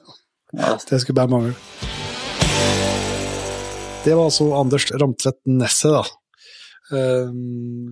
Jeg tror alle som har vært med oss helt hit nå, kan samstemt si at det er en kar som har både mye jeg vil si da, mye gode refleksjoner omkring hunder og hundehold, men òg har fått uh, utrolig mye erfaring da, på ganske kort tid, ja, på, på vår alder, og det vil jeg jo kalle ungdom, jeg, vet du. Ja, ja. Nei, det er utrolig artig, artig å snakke med ham. Og som du sier, eh, mye av de garva hundfolkene vi, vi snakker med, er jo gjerne en del år gamlere enn oss. Uh, Mm. Men uh, han, er, han er ung og opp og nikker og, og har virkelig mye kunnskap som han har lært seg allerede og, og holdt på i mange år. Også. Så det er skikkelig artig.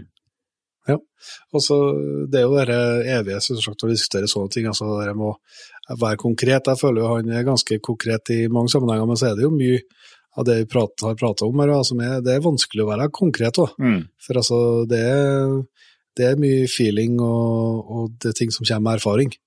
Og det er jo på et vis eh, veldig bra, tenker jeg, for at da vil det jo si at eh, man må gjøre det på den måten som man er komfortabel med sjøl, og som, som funker for seg og sitt hundehold. Mm. Men likevel er det nok en del gode tips å, å ta med seg. Så det var altså fuglehunder i flokk, det. Men da skal vi begynne å for alvor gå inn for landing, men eh, før det så skal vi jo få lov til å ønske et knippe nye hyggelige mennesker velkommen inn i P3-jaktlaget. Ja. Eh, Da starter vi på toppen der og sier tusen hjertelig takk til Vegard, Og til Monavik, Johan eh, Enersen, Jørgen Elverum, Christian, Einar AG, Thomas Nøss Nils Oskar Sørgaard, og May-Linn Grongstad. Tusen hjertelig takk til dere. Eh, Selvsagt og hele jaktlaget som allerede er med oss. Vi kommer med en ganske kul nyhet til P3-ens eh, om ikke så mange dagene, tenker jeg. I tillegg så er det jo sånn at vi har allerede utlyst at eh, greier vi å nå målet på 3500 P3-ens, så skal det trekkes ut bjørnejakt i Canada.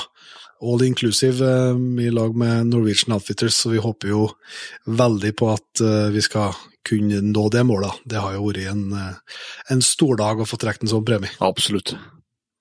Så det, men da ser vi som vi bruker å gjøre. Ta og Sjekk gjerne ut nettbutikken vår.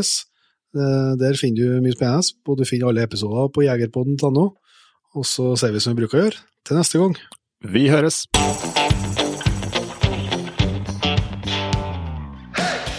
Tusen hjertelig takk for at du valgte å bruke litt av tida di på Jegerpodden. Sjekk ut jegerpodden.no eller din favoritt favorittpodkastspiller for enda mer innhold og flere episoder. Følg også Jegerpodden på Facebook og Instagram, og ikke minst, husk å fortelle alle gode venner, familie og tilfeldige forbipasserende om Jegerpodden, sånn at vi får spredd det glade budskap videre. Vi høres.